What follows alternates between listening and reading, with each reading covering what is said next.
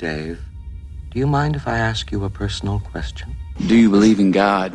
Well, I saw the thing coming out of the sky. It had one long horn and a one big eye. 2001 A Space Odyssey. Contact. It was a one-eyed, one-horn, blind purple people eater.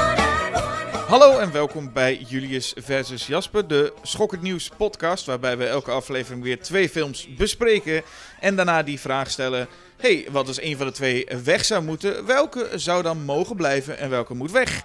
En dat doen we met mij, Jasper, maar ook met jou, Julius. Hallo. En wij doen het eigenlijk een beetje met een derde persoon in onze gedachten, onze Schokkend Nieuws collega Ipe Driesen. Ja. Want die heeft deze twee titels uh, geopperd. Ja, en uh, dan vonden we het wel aardig om dat, om dat toch uh, gewoon ook te doen. Ja, zo zijn we dan ook wel weer. Als mensen dingen opperen, dan, dan ooit komen we er wel aan toe. Nou, dat moet je niet zeggen, want niet, niet alle, alle voorstellen die we ooit krijgen voeren we uit. Maar deze vonden we wel leuk genoeg om te doen. Ja, dat terwijl je uh, volgens mij, wij allebei een van de twee films nog niet eens gezien hadden ooit. Ja, klopt. Ik heb Contact nog nooit uh, gezien. Maar ik vond het wel een leuke gelegenheid om hem eindelijk te gaan kijken. Ja, dat uh, geldt voor mij hetzelfde. Ja, en die andere obscure film uh, die we er tegenover zetten is uh, 2001 A Space Odyssey. Ooit van gehoord? Ja, uh, wel eens, ja. Nou ja, het is, het is wel wat natuurlijk, hè. Dat om nou om zo'n film te gaan bespreken. Een van de ultieme klassiekers. Waar ja, zelfs als ik zeg dat alles daarover gezegd heeft, dan zeg ik iets heel clichématigs. Zelfs dat is al heel vaak erover gezegd, dat alles erover ja. gezegd is. Ja, dus wat, wat, wat, wat moet je dan nog, Jasper? Ik ben heel benieuwd waar wij nog op stuiten. Nou ja, wat we gaan doen natuurlijk is besluiten of hij misschien weg moet vanwege context. Dat is dan het, de, de, de insteek en wat deze podcast dan alsnog spannend maakt. Ja. Is dat we hem misschien wel uh, uh, de wereld uitsturen. Ja, en wie gaat dat doen? Is natuurlijk ook de vraag. Want één van ons neemt het op voor 2001 en één uh, voor Contact. En volgens mij hebben wij, hadden wij al een beetje besloten voordat we beide de film gingen zien. dat jij 2001 zou krijgen. ja. En ik zal het dus met mijn met alles wat ik in mij heb opnemen voor uh, Contact. Om die te behouden, mensen. En ja. ik, ik, weet dat er fans zijn. Ik weet dat er veel fans zijn, overigens. Mhm. Mm. Dus, uh, maar goed, die zijn er ook van 2001. En die, laten we daar maar mee beginnen dan, toch? Ja, laten we, ja, ik, ja, laten we gewoon met 2001 beginnen, inderdaad, ja. Ja, en dan moet je meteen ook iets vertellen wat dus nog nooit over die film gezegd is. Godsamme zeg, dat, ja, dat is, dat, is, dat is nou eens nog eens een opdracht. Dat is echt een opdracht. Um, nou ja, nee, kijk, we beginnen natuurlijk gewoon met, met een stukje uh, klassieke muziek. Alzo sprak Zarathustra van Strauss. Richard Strauss, overigens. Uh, niet Johan, van wie later een stuk uh, gedraaid wordt. Um, en zijn, die zijn ook geen familie, toch, van elkaar? Nee, zijn geen familie. Nee, ze, ze komen niet eens uit hetzelfde land, Jasper. Moet, moet je nagaan. Ja. Maar we beginnen met klassiek. Maar is dat, heb je het nu al over die eerste drie minuten zwart? Nou, nee, dat, ja, dat is, dat is het begin. Rare geluiden, aanzwellende tonen en, en, en drie minuten zwart, inderdaad. Ja. Een soort overture voor de film eigenlijk. Um, ik denk dat het de bedoeling is geweest dat het publiek dan ook binnenkwam. Ja, daar, zijn, daar waren vaak die overtures toch voor. Uh, ja. uh, net zoals dat er pauzes in zitten. Ja. Maar men kiest er dan nu wel voor om ook op de DVD, waar ik hem op gezien heb, uh, ook dat er gewoon Ja. in te laten. Dus het voelt hier in ieder geval wel als een echt een belangrijk deel van de film. Ja. Nou, is het misschien ook. Het is om je, om je, om je in de stemming te krijgen van dit, dit is geen normaal narratieve science fiction verhaal dat je gaat zien. Dit is, uh, dit, dit, dit is wat anders. Dit is meer ook, je moet, je moet gewoon tot rust komen en het, en het je laten gebeuren. Je laten overweldigen. En je weet ook bij zoiets, als je dan je afvraagt, goh, zal het erbij horen? We hebben met een maker te maken waarvan ik denk, die heeft alles onder controle. Ik denk dat hij zelfs de kleur van de bioscoopstoelen nog wilde bepalen voor zijn film. Dus dit zwart, hè, en wat, hoe zwart dat zwart moest worden en hoe, hoe dat muziek moet klinken, dat zal meneer Kubrick ook wel uh, heel kritisch op geweest zijn. Hij had natuurlijk eigenlijk uh, een heel iets anders in gedachten dan Alzo sprak Zarathustra. Of tenminste, hij had gewoon uh, Alex North, een, een componist, ingehuurd om, een, om muziek te schrijven voor die film. En de klassieke stukken die erin zitten, dat waren dan uh, er waren gewoon tijdelijke uh, stukken, zoals het vaker gedaan wordt bij, uh, bij, bij een film. Dat je tijdelijk even muziek eronder zet voordat de echte soundtrack klaar is. Wat volgens mij altijd een strijd is van componisten. De, de, de temp track die ze eronder gooien. Ja. En dat regisseurs dan met name daar heel vaak zich aan gaan hechten. Ja. En dan steeds meer tegen de componist zeggen: ja, maar doe het toch iets meer zo. Tot het punt dat het bijna plagiaat wordt. Dat zeggen: Ja. maak maar gewoon zoals dit. En in het geval van Kubrick was het: weet je wat, we gebruiken het gewoon. Ja, wat, wat wel een goede beslissing is. Want op zich, de, de muziek van Alex North, die kun je horen. Er is gewoon een, een album van uit. Maar uiteindelijk denk ik dat het beter was dat hij, eh, eh, dat hij de temtrack dus heeft gelaten. Omdat dat... Het is zulke, nou, natuurlijk iconische, prachtige muziek. En heel veel mensen kennen dat ook wel. En het is ook nu va- vanwege die film natuurlijk heel erg daarmee geassocieerd. Ehm, en het is muziek die eh, echt een soort iets oproept van eh, belangrijke dingen die de mens heeft bereikt. Weet je wel? Dat Alzo sprak Zarathustra. Nou ja, het is, het is ook eh, gebaseerd, dat het stuk is geïnspireerd door een, een, boek van Nietzsche. Dat ook gaat over de mens en wat wij doen en zijn. En het is een, ja, een stuk van Strauss, een van de beroemdste componisten aller tijden, die ook vaak aangehaald wordt als een voorbeeld van waar de mens toe in staat is. Dus dan is het ook wel heel gepast dat in een film die ja, op zijn allerbreedst gaat over onze soort, gewoon echt zo'n iconisch klassiek stuk gebruikt als opening en niet gewoon een of andere soundtrack van eh, Alex North. Niets ten nadele van hem. Maar de, de, de, de iconische status van, van dat stuk is, eh, ja, voegt wel echt iets toe aan het begin van die film. Ja, en bij mij komt wel de vraag op, en het is een vraag waar sowieso het antwoord nee op is. Maar ik zou bijna willen vragen: kun je een film aanrekenen dat het zo iconisch is geworden dat het een beetje vervelend wordt omdat het zo'n cliché geworden is? Ja, omdat het ook zo vaak herhaald wordt, hè? Ja, nou overal. En het is een beetje, ja, het, het Jaws-theme is daar ook. hè, Het, het, is, het wordt zoveel gebruikt. Ik heb het idee dat zo ongeveer eh 10% van alle commercials ooit gemaakt dit nummer Ja. gebruiken. Ja, en het is nou ook gewoon een soort. Je verwijst niet eens meer naar 2001 als je nu nog dat gebruikt. Je verwijst gewoon naar dat stuk dat altijd gebruikt wordt als iets groots en, en overweldigend moet zijn. Ja. Ik denk dat de helft van de mensen die het gebruiken de film ook helemaal niet, niet eens weten waar dat vandaan komt. Nee, nee, nee, dat ze, dat ze überhaupt 2000, 2001 er al niet bij zeggen. Nee. Zodat terwijl mensen dan eigenlijk hen niet kunnen corrigeren met wist je dat het niet eigenlijk 2001 was, maar eigenlijk van Richard Strauss, nou ja, zo. Maar het, eh, het, het, het is... Ik vraag me dan wel eens af, en bij dit vroeg ik me het ook af, of de film daarmee een beetje soms dan ja, wat kracht verliest, omdat je het zo vaak gezien hebt. Dat zou wel soms kunnen. Want er zit later nog een, een stukje klassieke muziek in, eh, van Johann Strauss. En ook Ja. daarbij denk je dan echt van, oh, dit is, dit is zo clichématig. Dus ook elke reclame gebruikt dit stuk muziek. Sterker nog, het is een stuk muziek waar iedereen nu maar bij maar André Rieu moet denken, zo ongeveer. aan, de Schöne Blauwe Donau. ja. Ja, ik denk dat Rieu het ook wel gespeeld had zonder deze film. Nou, dat is gewoon een, een, een heel bekende wals natuurlijk. Eh, maar en, en ook in die scène is, is dat ook een heel gepast stuk muziek, vind ik. Het- Een, een lieflijke wals bij een scène die ja, alleen maar technische dingen laat zien. Hè? Je, eh, je ziet helemaal geen, geen, geen mensen. Het is gewoon echt machines die met elkaar puur technisch bezig zijn. Maar daarmee toch de schoonheid bewijzen van wat mensen hebben bereikt. Want het is wel allemaal ontworpen door mensen. En het is een soort kroon op onze eh, beschaving dat we dat soort machines kunnen bouwen die de ruimte ingaan. Ja, en het, is, en het is allemaal heel mooi. En het wordt ook allemaal echt perfect uitgevoerd. Dat is wat sowieso voor heel veel voor 2001 te zeggen valt. Alleen soms zou ik willen zeggen, soms is het jammer dat iets te bekend is. En kun je er niet meer echt mooi naar kijken, omdat je denkt, oh ja, ik, ik, ik ken dit. En ik ken dit al veel te goed.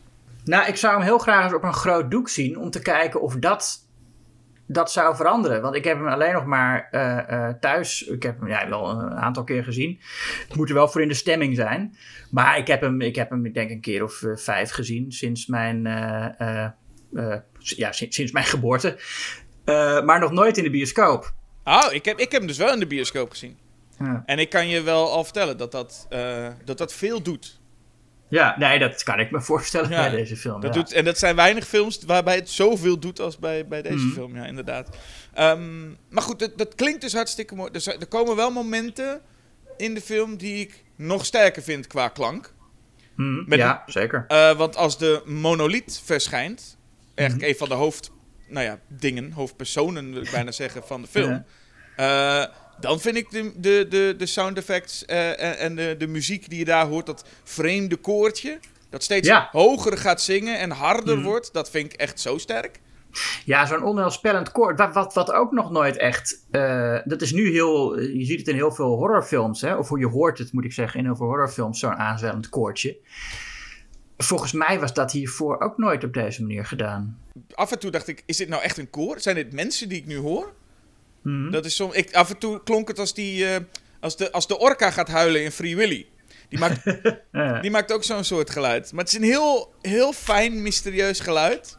Mhm. Eh, bij natuurlijk een heel mysterieus object.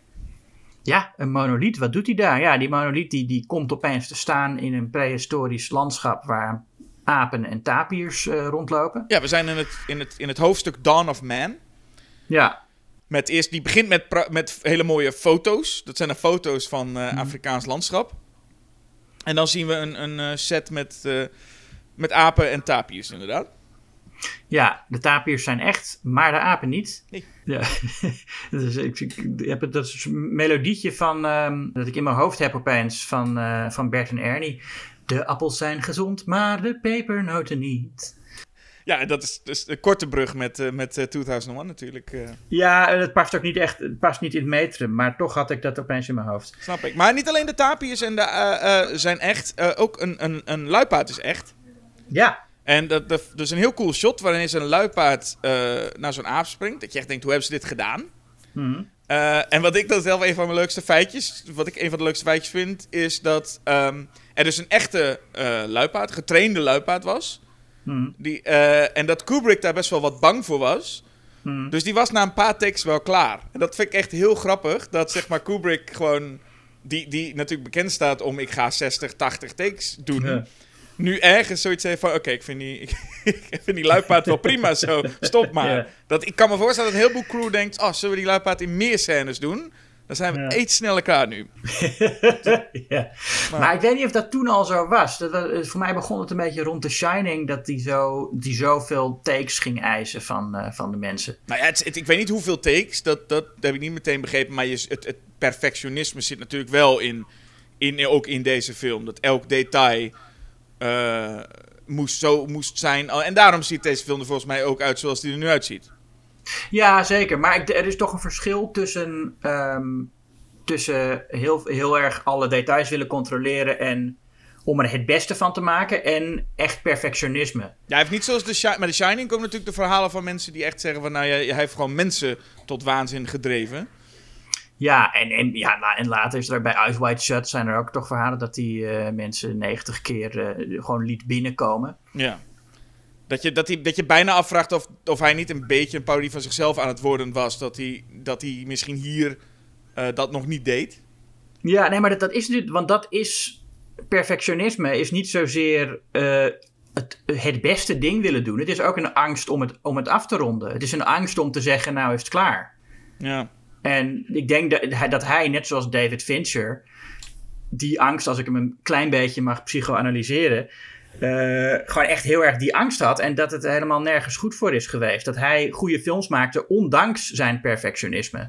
En dat hij zonder dat perfectionisme nog veel meer goede films had kunnen maken. Want de reden dat hij in de laatste decennia van zijn leven zo weinig heeft gemaakt, is ook gewoon dat hij, geen, dat hij zei dat hij geen geschikte verhalen meer kon vinden. Ja. Terwijl in het begin van zijn carrière liep hij gewoon een boekhandel binnen en, en kocht hij zomaar een boek en baseerde hij daar de killing op. Dus ja, ik, ik denk dat perfectionisme Kubrick eh, richting het einde van zijn carrière echt eh, dwars heeft gezeten en helemaal geen goede eigenschap is geweest. En natuurlijk de verhalen komen dat een perfectionisme van een regisseur... maar dat het gaandeweg verandert in een regisseur die gewoon een lul wordt. Ja, ook dat, ja. En dat maakt het... Ik bedoel, ik hoor veel verhalen van James Cameron over zijn perfectionisme... maar daar hoor ik iets minder van dat hij echt acteurs tot... eh, acteurs zijn volgens mij best wel lyrisch over James Cameron. Ja, en, maar, ja, en over heel veel, het is ook wel lullen, over heel veel van, over, juist over Zack Snyder en Michael Bay hoor je altijd hoe leuk het is om Ja. met ze te werken. Ja. En, en over Kubrick hoor je alleen maar nare verhalen, ja. Ja, en waarschijnlijk zijn er ook wel mensen die prima met Kubrick konden. Maar de, de verhalen komen natuurlijk van hè, de man die, eh, eh, ja, die zoveel takes eist dat iemand doordraait, zo ongeveer. Ehm, maar, Ja, en, en, en die bijvoorbeeld ook Alex North nooit verteld heeft dat zijn muziek niet in de film zat. Dat Alex North daar pas bij de première achter kwam. ja, wat niet 100% natuurlijk alleen maar de taak is van de regisseur om dat te doen. Dat had ook een Nee, productieteam kunnen zeggen van, nou laten we maar vast even een briefje sturen. En sowieso, Nee, ik bedoel, film is een team effort. En eh, Ja. We kunnen dus hier Kubrick heel veel complimenten geven. Maar die had dit nooit alleen gekund. Zo. Nee, nee, natuurlijk niet. Nee, ook, ook zeker al die, meme, al die meme-spelers die in die apenpakken zitten. Ja. Die daar eh, toch ook, ja, ook, ook, dat is ook revolutionair. Dat, dat, de, de, de, eh, mensen die op zo'n manier dieren spelen, hadden we ook niet echt gezien. Ja, iemand in een Godzilla-pak. Uh, en het schijnt dat Kubrick ook wel geïnspireerd was door kaiju-films. Voor, uh, bij, bij deze film. Niet zozeer voor de apen, maar ook gewoon voor hoe die sets gebouwd worden en zo. Dat hij daar wel naar had gekeken. Uh, maar de, de, om, om zo realistisch een aap neer te zetten als mens was ook uh, nooit echt op deze schaal gedaan. Nee, want je had, uh, moet ik even denken, je had eigenlijk in hetzelfde jaar de eerste Planet of the Apes. Ja. En daar zag je dan een heel iets anders. Daar zag je dus, uh, nou ja, niet zulke per se realistische apen. Nou, wel ook, ik denk maskers van dezelfde kwaliteit, maar niet, maar gewoon als mensen gedroegen ze zich, ja. Ja, en deze apen, dat zijn ook niet echt apen, toch? Of in ieder geval... Nou ja, het zijn ja, mensapen, dus een stap op de evolutionaire ladder. Ja, want ze staan, en, ze staan volgens mij veel rechter op dan... Uh, ja, ja, ja, zeker, normaal. Ja. Nee, en, en, je gaat dus zien hoe die dan mensen worden door de invloed van die monoliet. Nou ja, dat is eigenlijk het eerste grote mysterie dat geïntroduceerd wordt. Wat doet die monoliet? Ja, want dat is En waarom, uh, waarom inspireert die een aap tot het, uh, het, het, gebruiken van gereedschap? En dat is eigenlijk bijna de, de, de, de interessante vraag die je zou kunnen stellen. Of er zijn, er zijn natuurlijk honderden vragen die je kan stellen. Maar hij introduceert de aap dan met gereedschap of hij introduceert de aap met geweld. Dat is eigenlijk een beetje de vraag of de monoliet iets kwaadaardigs heeft.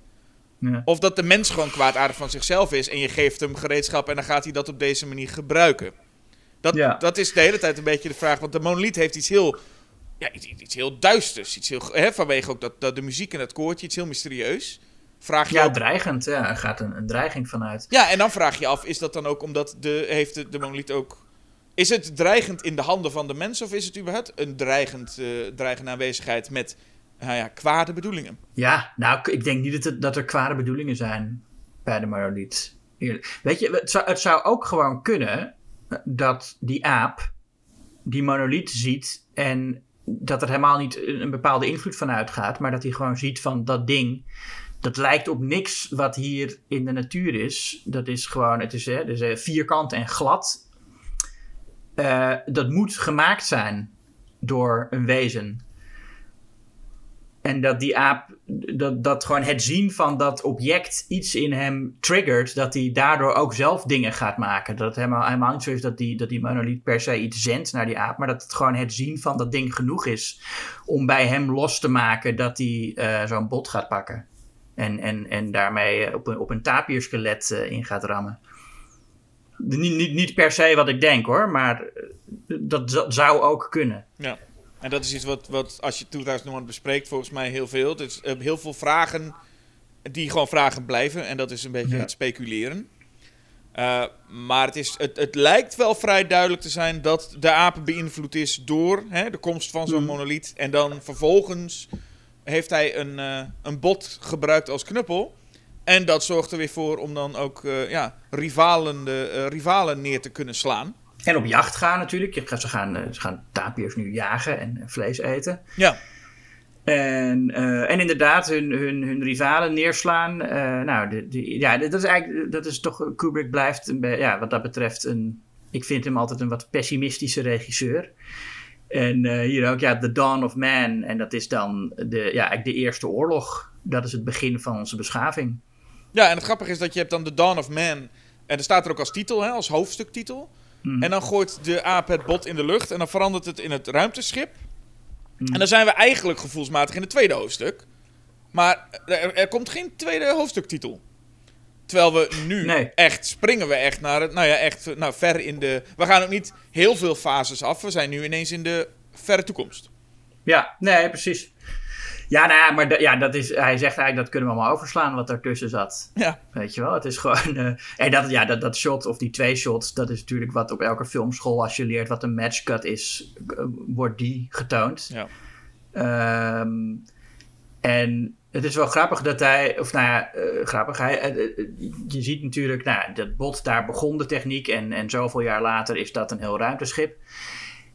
En verder is er eigenlijk heel weinig verandert, is dan is volgens mij de suggestie van die twee zo bij elkaar.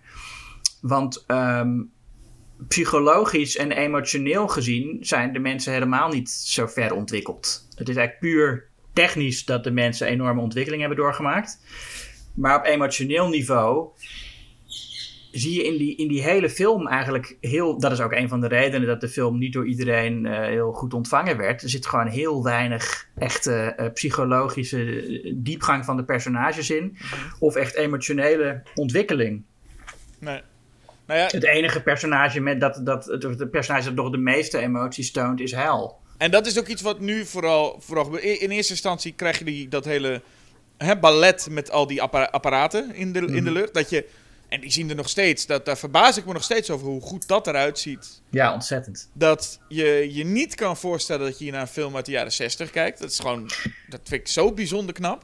Ja, en dit is nog één jaar voor de maanlanding, hè? Ja, en nu zo zie, kan ik me bijna wel voorstellen dat mensen denken... Ja, volgens mij heeft Kubrick het gewoon gefilmd. Niet omdat de maanlanding waarschijnlijk niet gebeurd is, maar vooral omdat ik denk, ja, maar Kubrick had dat... eh, eh, als je dit kan, Ja, nou, daarvoor moeten de credits ook zeker naar Douglas Trumbull, die eh, eh, special effects heeft eh, gedaan. ja. Ehm, maar nee, het is inderdaad, het is ongelooflijk. En, en ja, en dat je, als je dan dit vergelijkt met bijvoorbeeld Star Wars, negen jaar later. Ja. Nou, dat is, ik, ik, goed, in Star Wars gebeuren ook dingen die hier nog niet konden. Maar qua realisme doet het er niet voor onder. Maar waarom ziet dit er nog beter uit dan, dan de meeste films ook nu? Vind ik heel bijzonder. Ja, om, omdat eh, toen nog, dat is heel vaak zo, als je de eerste bent die iets doet, dan wil je echt eh, dat het over, dan wil je echt laten zien van, oké, als, als, als dit mislukt, dan ga ik heel hard af. Dan lacht, moet iedereen lachen, dus ik moet echt mijn best doen. En dan steek je er heel veel geld in en dan, en dan film je dat op zo'n manier dat het gewoon 100% overtuigend is. En dan denkt iedereen, oh, dit, dit kan gewoon. Oh, dan kan ik het ook. En dan krijg je al die films die het niet Dat zie je ook na, na Avatar van, van, van Cameron.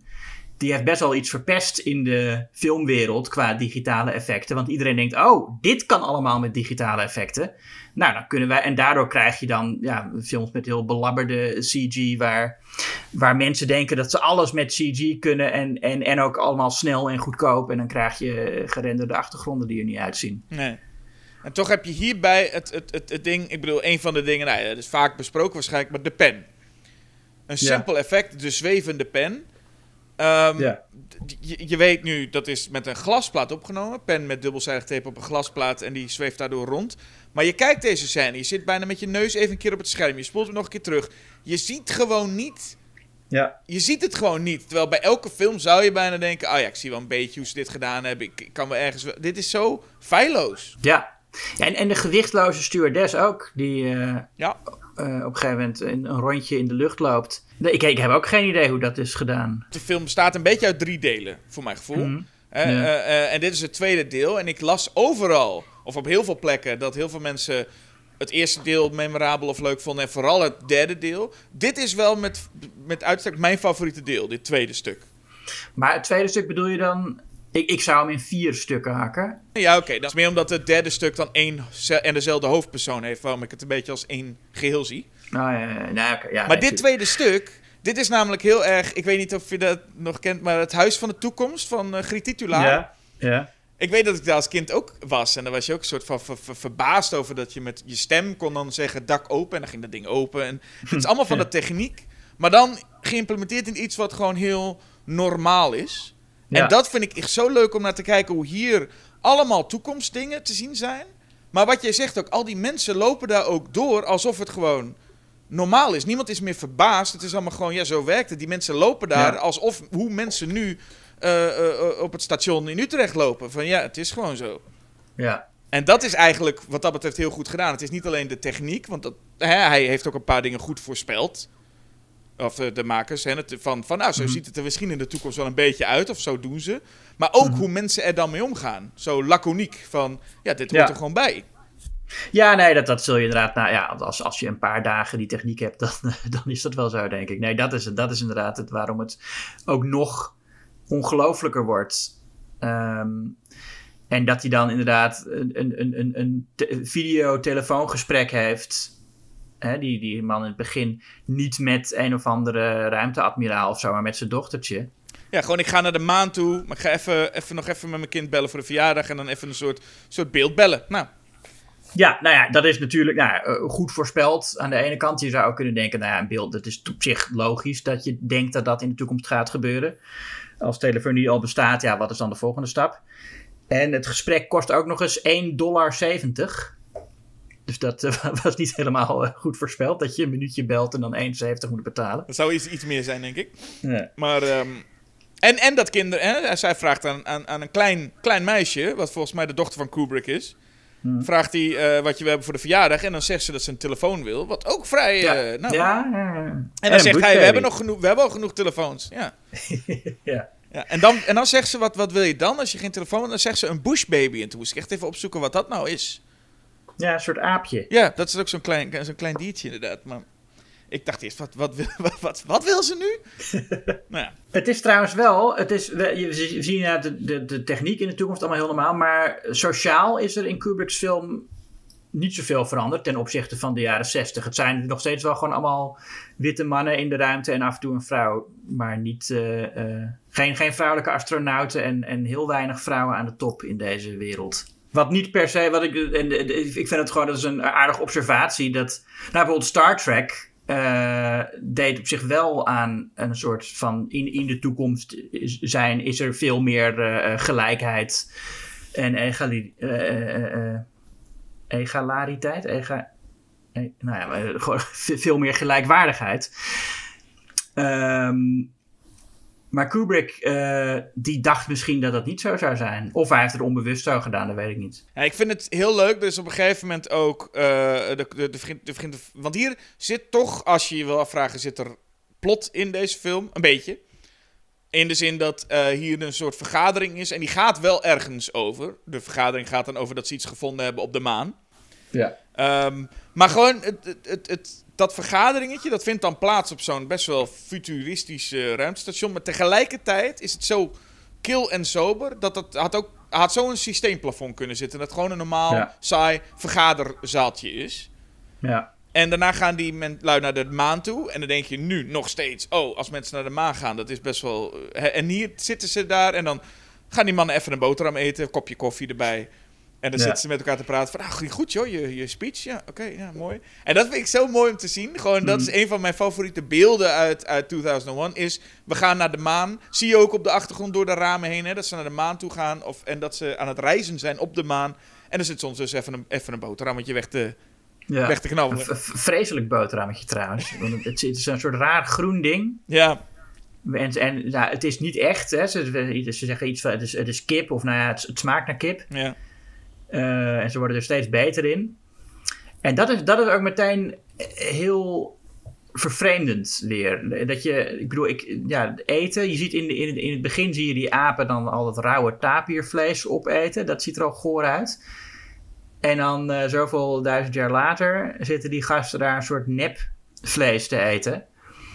En later zie je ook nog dat ze een soort magnetronmaaltijden hebben met een soort rare drap. Ja, dan is het allemaal vloeibaar eten. Ja, Ja. ehm, en dat is ook. Dat eten is een, is een heel goede manier in films eh, om, om te laten zien in wat voor wereld deze personages leven. Omdat ja, dat, iedereen, iedereen eet, Iedereen eet, toch? Ja. Ja. dus het is meteen, je hebt meteen een soort connectie daarmee. Ja. En het is ook een heel goede manier om iets heel vervreemdend te maken, wat, wat ik hiervan wel vind. Ja. Eigenlijk de terugkerende, waarom vind ik het ook een van de hoofdpersonen, is eigenlijk omdat in elk hoofdstuk zit de, een monoliet. En er zit nu ook hier, in, op de maan.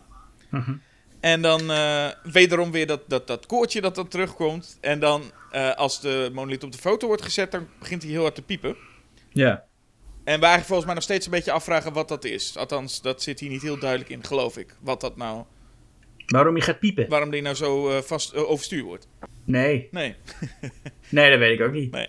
En dat vond ik wel grappig trouwens. Dat, is, dat kan ook, ook aan het einde zijn. Maar ik heb eh, dus laatst ook eh, 2010 gezien, het vervolg. En ik had dus nooit verwacht dat er een vervolg zou zijn op deze film. Die ook zo letterlijk een vervolg is. Ik dacht, het is misschien een beetje wat geïnspireerd of een beetje in dezelfde zin. Maar het is echt met deze personages die allemaal terugkomen. En die ook het verhaal verder vertellen.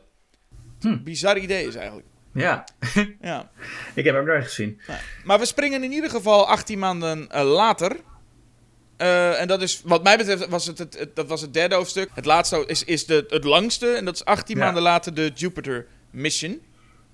Ja, we hebben tot nu toe dus nog geen hoofdpersoon in de film. Eh, wat iets is om bij stil te staan, toch? Dat je gewoon na, wat is het, een uur of zo? Nee, je had eh, die eh, uit in, in hoofdstuk 2 zit eh, Haywood Floyd. Dr. Haywood Floyd, die dus met zijn dochter belt.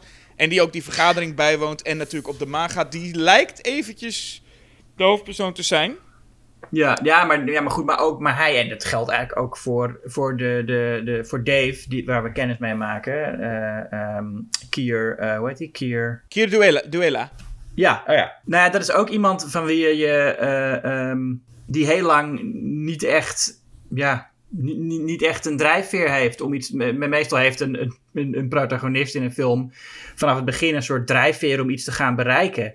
En de, ja, nee, goed, hij, hij, hij doet zijn werk. Hij is op missie naar Jupiter, maar ja, dat is het. Ja, want ik vind het ook wel interessant. We hebben die, die ehm, eh, Dr. Floyd, die wordt dan gespeeld door William Sylvester. En die is, ja, nou, ik denk dat de meeste mensen niet meer precies weten wie hij, eh, wie hij is of wie hij in de film is, als je het zo zegt. Maar hij wordt dus in het vervolg gespeeld, dus een van de weinige recasts dan, is, wordt hij gespeeld door Roy Scheider.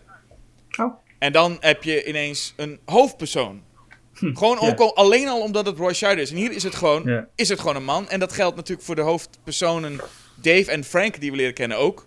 Er zijn gewoon twee mannen. Ja. En daar kun je het ongeveer bij laten. Ehm, maar voordat we naar hen toe gaan, krijgen we echt weer een hele hoop soort van trage, langzame shots van die eh, ruimteschepen. Mhm. En dat is iets waar, eh, waar ik, da, dat, dat bevestigde voor mij nu wel. Ik, ik weet toen ik hem op, op groot scherm zit, op bioscoop, dat ik hier echt van zat te smullen. Maar ik, nu op het kleine scherm dacht ik wel, ah, ik snap echt dat ik toen ik deze film voor het eerst zag als tiener, dat ik echt dacht, wat een saaie film. Ja. Want het duurt heel lang en ze laten veel zien. En het is wel mooi.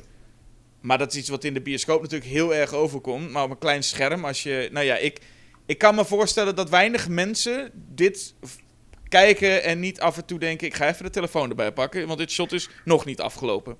Nou, telefoon erbij pakken, dat moet je nooit doen. Nee, dat moet je ook nooit doen. Dat, maar eh, ik, ik, maar, ik probeer in de eh, kijk, je- gedachte van. Ja, ja, ja. Wat, wat Robert Wise, die was ongetwijfeld ook heel erg geïnspireerd toen met de eerste Star Trek The Motion Picture, die, eh, eh, wat ik weet, ook vol zit met hele, hele lange shots van zo'n ruimteschip dat voorbij komt zweven.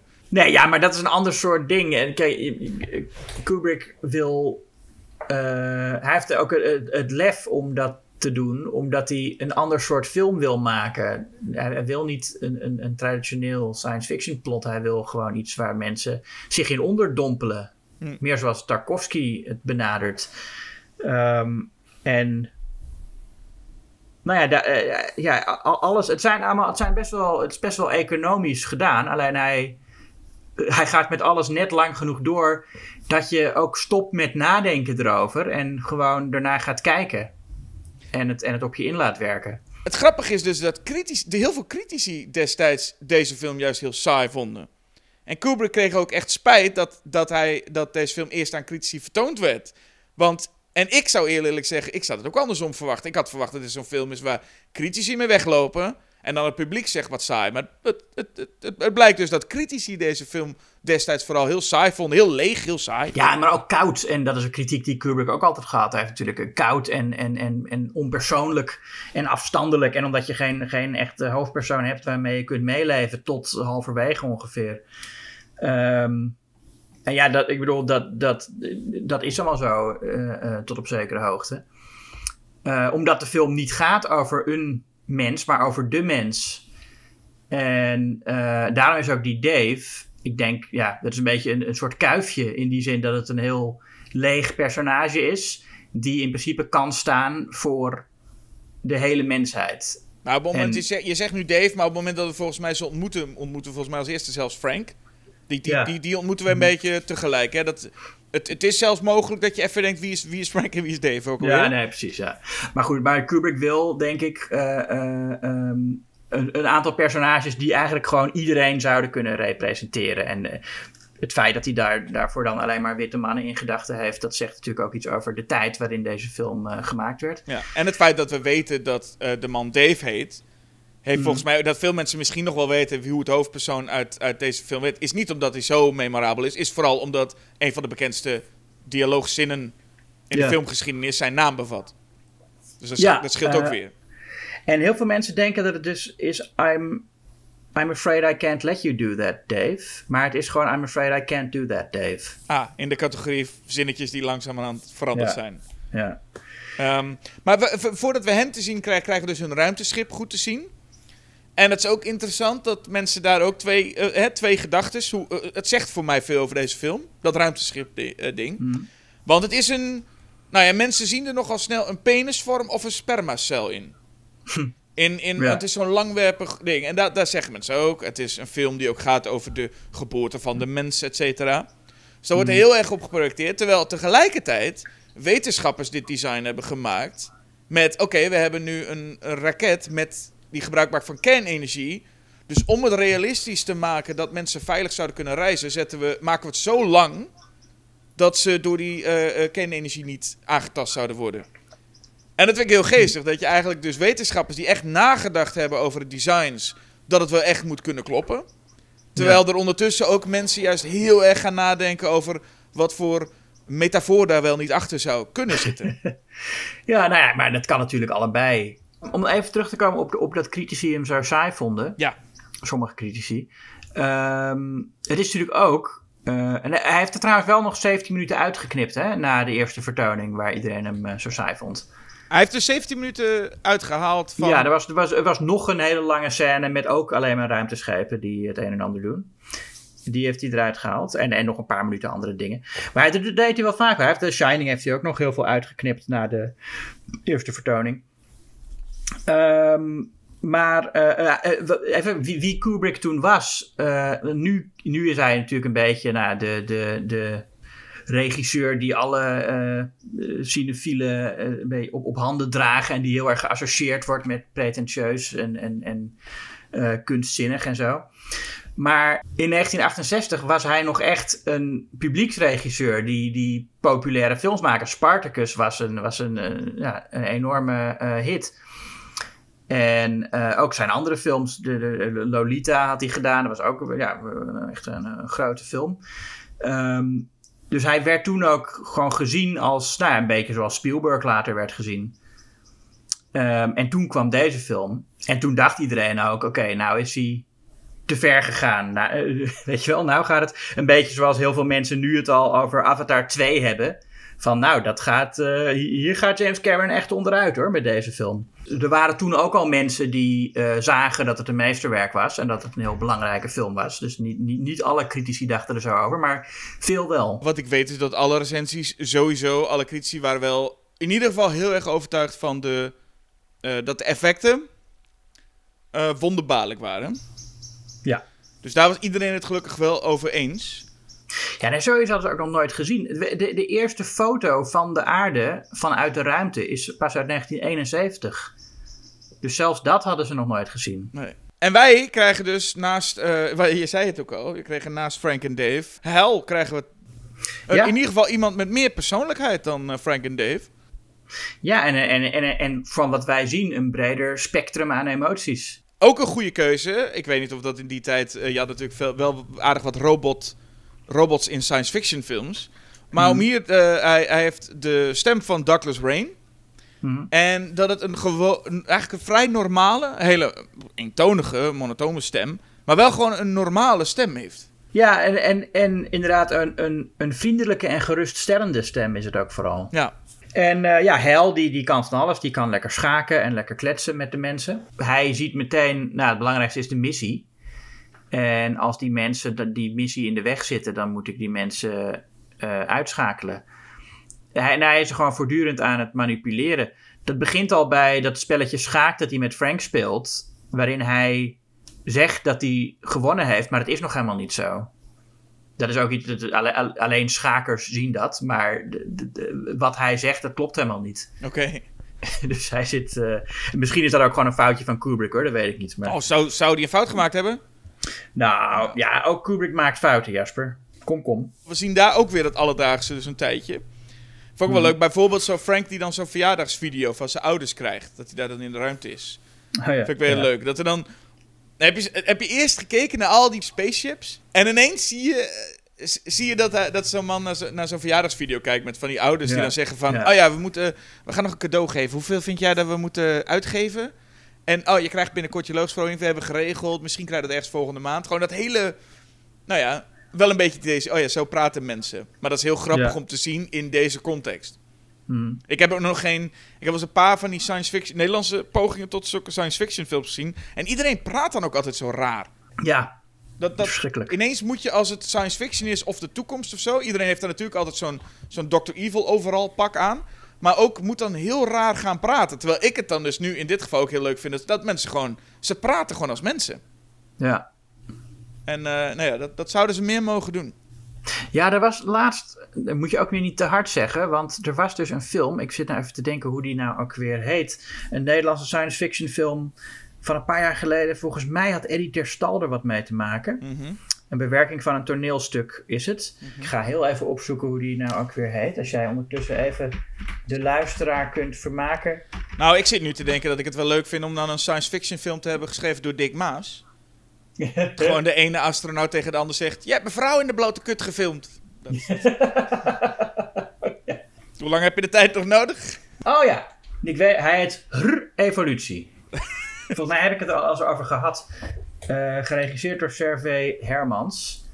Eh, het is dus tussen haakjes R en dan Evolutie. Oh. En nee, Eddie ter Stal staat er niet tussen ook. Ook niet bij het scenario. Dus ik weet niet hoe die dan in mijn hoofd komt.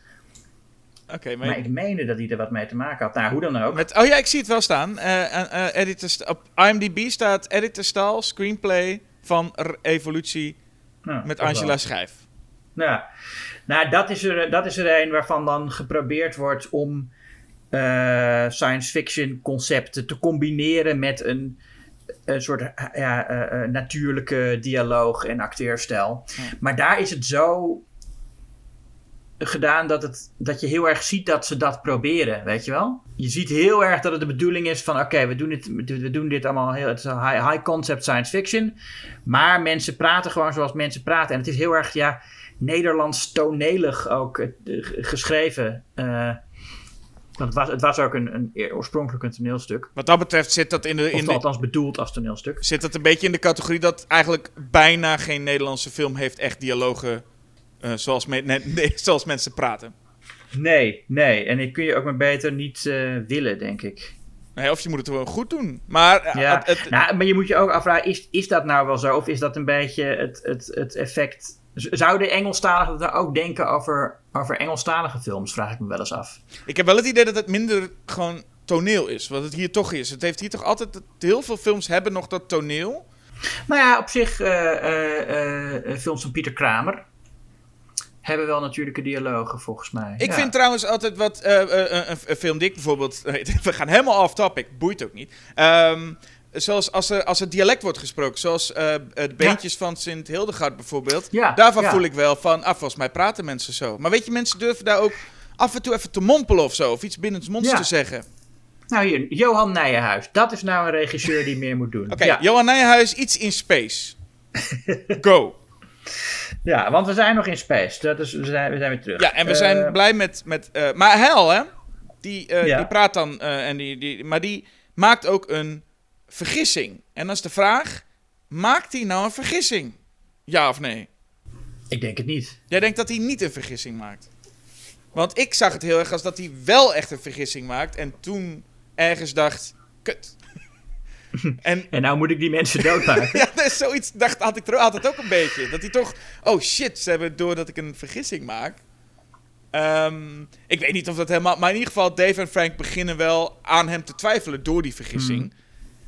Ehm, en, gaan, en, en, en sluiten zichzelf dan op in zo'n eh, escape pod om te praten. En dan komt iets wat, wat Kubrick er bedacht had. Mhm. Eh, hebben, we- hebben we überhaupt eigenlijk de, de belangrijke tweede persoon van dit verhaal wel benoemd al? Eh, Arthur C. Clarke. Ja, ja, oh ja, nee, daar hebben we nog helemaal niet over gedaan. Nee, die, die inderdaad gebaseerd op zijn eh, boek. Ja. Maar dat was ook erg met Kubrick bezig met de ontwikkeling eh, van dit verhaal. Ja, het, het, het, eh, het was geïnspireerd door zijn verhaal The Sentinel. En hij heeft dus ook het boek geschreven, maar een screenplay geschreven samen met Kubrick. En dit was zo'n ideetje wat dan van Kubrick kwam, waarbij Clark eigenlijk zoiets had van, nou, dat weet ik niet. Maar dit was eigenlijk wel, geeft hij later toe, een heel goed idee met de twee mannen die zich opsluiten om, en, maar dat Hal ze kan zien liplezen. Ja. En dan eh, eh, weet hij toch van deze twee eh, vertrouwen mij niet meer, willen mij mogelijk afsluiten. Ja, en dan toch nog een, een- cliffhanger. Nou, het is, dat is Want- dan heel spannend en dan is het pauze. Ja, maar dat is toch, dat is toch dat is eigenlijk het enige, het enige soort populaire dingetje, echt een soort concessie naar, naar de kijker die een suspenseverhaal wil, die Kubrick hier doet. Dat hij Dat- gewoon echt, ja, een, een hele lange meditatieve, me- meditatief begin. Met lange scènes waar je echt in moet gaan zitten. En dan aan het einde zo'n typische cliffhanger. Maar wat is het is wel leuk. Ergens denk je, wat een rare plek voor een pauze. Je hebt je, hebt je film met, met, met, met verschillende hoofdstukken echt. Mhm. Je had na hoofdstuk 2, met die piep van die maan, had je prima een pauze kunnen doen. De piep van de maan. Ja, maar dat zit ook prima, dat is volgens mij ook ergens wel een beetje halverwege. Mhm. En, en dan krijg je ineens hier. Maar het- eh, ik Ja. weet niet of het ermee te maken heeft dat ze dachten van... nou, hier is het een cliffhanger dat mensen op zijn minst denken... hoe, zou dat aflopen? Ik kom in de pauze wel terug. Ja, ik denk, ik, misschien was het dat wel. Dat hij gewoon inderdaad wist dat hij een, een behoorlijk trage film aan het maken was. Dus toch iets wilde hebben dat de mensen niet in de pauze naar huis gingen. Weet niet, anders vind ik het zo raar. Oké, hier, heb ik een- hier heb ik een film. Zijn, bestaat uit vier hoofdstukken. Waar stoppen we de pauze? Ergens midden in hoofdstuk 3. Ja. Maar ja. Ja. En dan komt een... eh, eh, nou ja, dat, dan komt het hele stuk dat Hal eh, gaat saboteren. Mhm. En die jiet dan Frank door die ruimte heen. En ik weet niet waarom. Het is ergens iets heel angstaanjagends ook. Maar Ja. het moment dat eh, Dave volgens mij ergens binnen zit... En, en Frank voorbij in dat raam komt vliegen... Zo, dat blijf ik heel grappig vinden. Oh ja? Ja, ik, ik weet niet waarom. Het is eigenlijk iets heel angstaanjagends. Ik bedoel, Ja. Hal die zorgt er volgens mij voor dat zijn pod hem aanvalt. En Mhm. er, die scène is trouwens ook gefilmd. Hè? Er is een scène gefilmd dat Frank ook echt aangevallen wordt door die eh, pod. Mhm. Maar uiteindelijk bleek dat dit sterker was. Ik vind het ook wel komisch. Ik, ik blijf dat altijd iets grappigs vinden. Maar het ze hebben er gewoon voor gekozen om ineens... Dave zit daar en op de achtergrond zien we ineens Frank voorbij zweven. En dan weten we van, oké, de Hal is eh, nu echt iets kwaadaardigs aan het doen. En ik denk dat dat ook een sterke keuze was om niet echt die aanval ook te laten zien. Ja. Ja, zeker. Ja. Want dan gaat eh, eh, Dave achter hem aan om hem te redden. En dan, dan merk je ook, hè, en dat is iets wat, wat, wat hoe, hoe sterk die klassieke eh, muziek ook aanwezig was in het begin. Nu lijkt de, de muziek vooral, het is allemaal of absolute stilte, of Mhm. piepjes, machines, ruis en Ja. ademen. Dat horen we nu de hele tijd als, als Ja, soundtrack. Ja, ja, ja. ja, die stilte in de ruimte, dat is ook iets waar... Ja, Gravity kwam daartoe mee alsof dat iets heel eh, vernieuwends was. Eh, maar Kubrick deed dat ook al gewoon in, eh, in 68. Ja. Ehm, ja, maar inderdaad, nou, dat is ook fantastisch. Dat, dat sound design van inderdaad zijn ademhaling als enige begeleiding van de actie. Ja. Eh, als, hij, eh, als hij weer terug naar binnen. Ja, en dat, dat, is, nou, dan, dat is de meest eh, traditioneel suspensvolle scène van de, van de film natuurlijk. Het, het, Het- uitschakelen van de schurk. Wat eigenlijk helemaal niet moeilijk blijkt te zijn. Nee, het is vooral moeilijker om naar. En dat, dat, had ik, dat voelde ik wel. Dat hij heeft zijn, zijn, zijn vriend Frank gered. Althans, ik weet niet of hij hem gered heeft. Hij heeft gewoon zijn lichaam teruggehaald. Ik weet Ja. Frank is dan al dood, denk ik, of niet?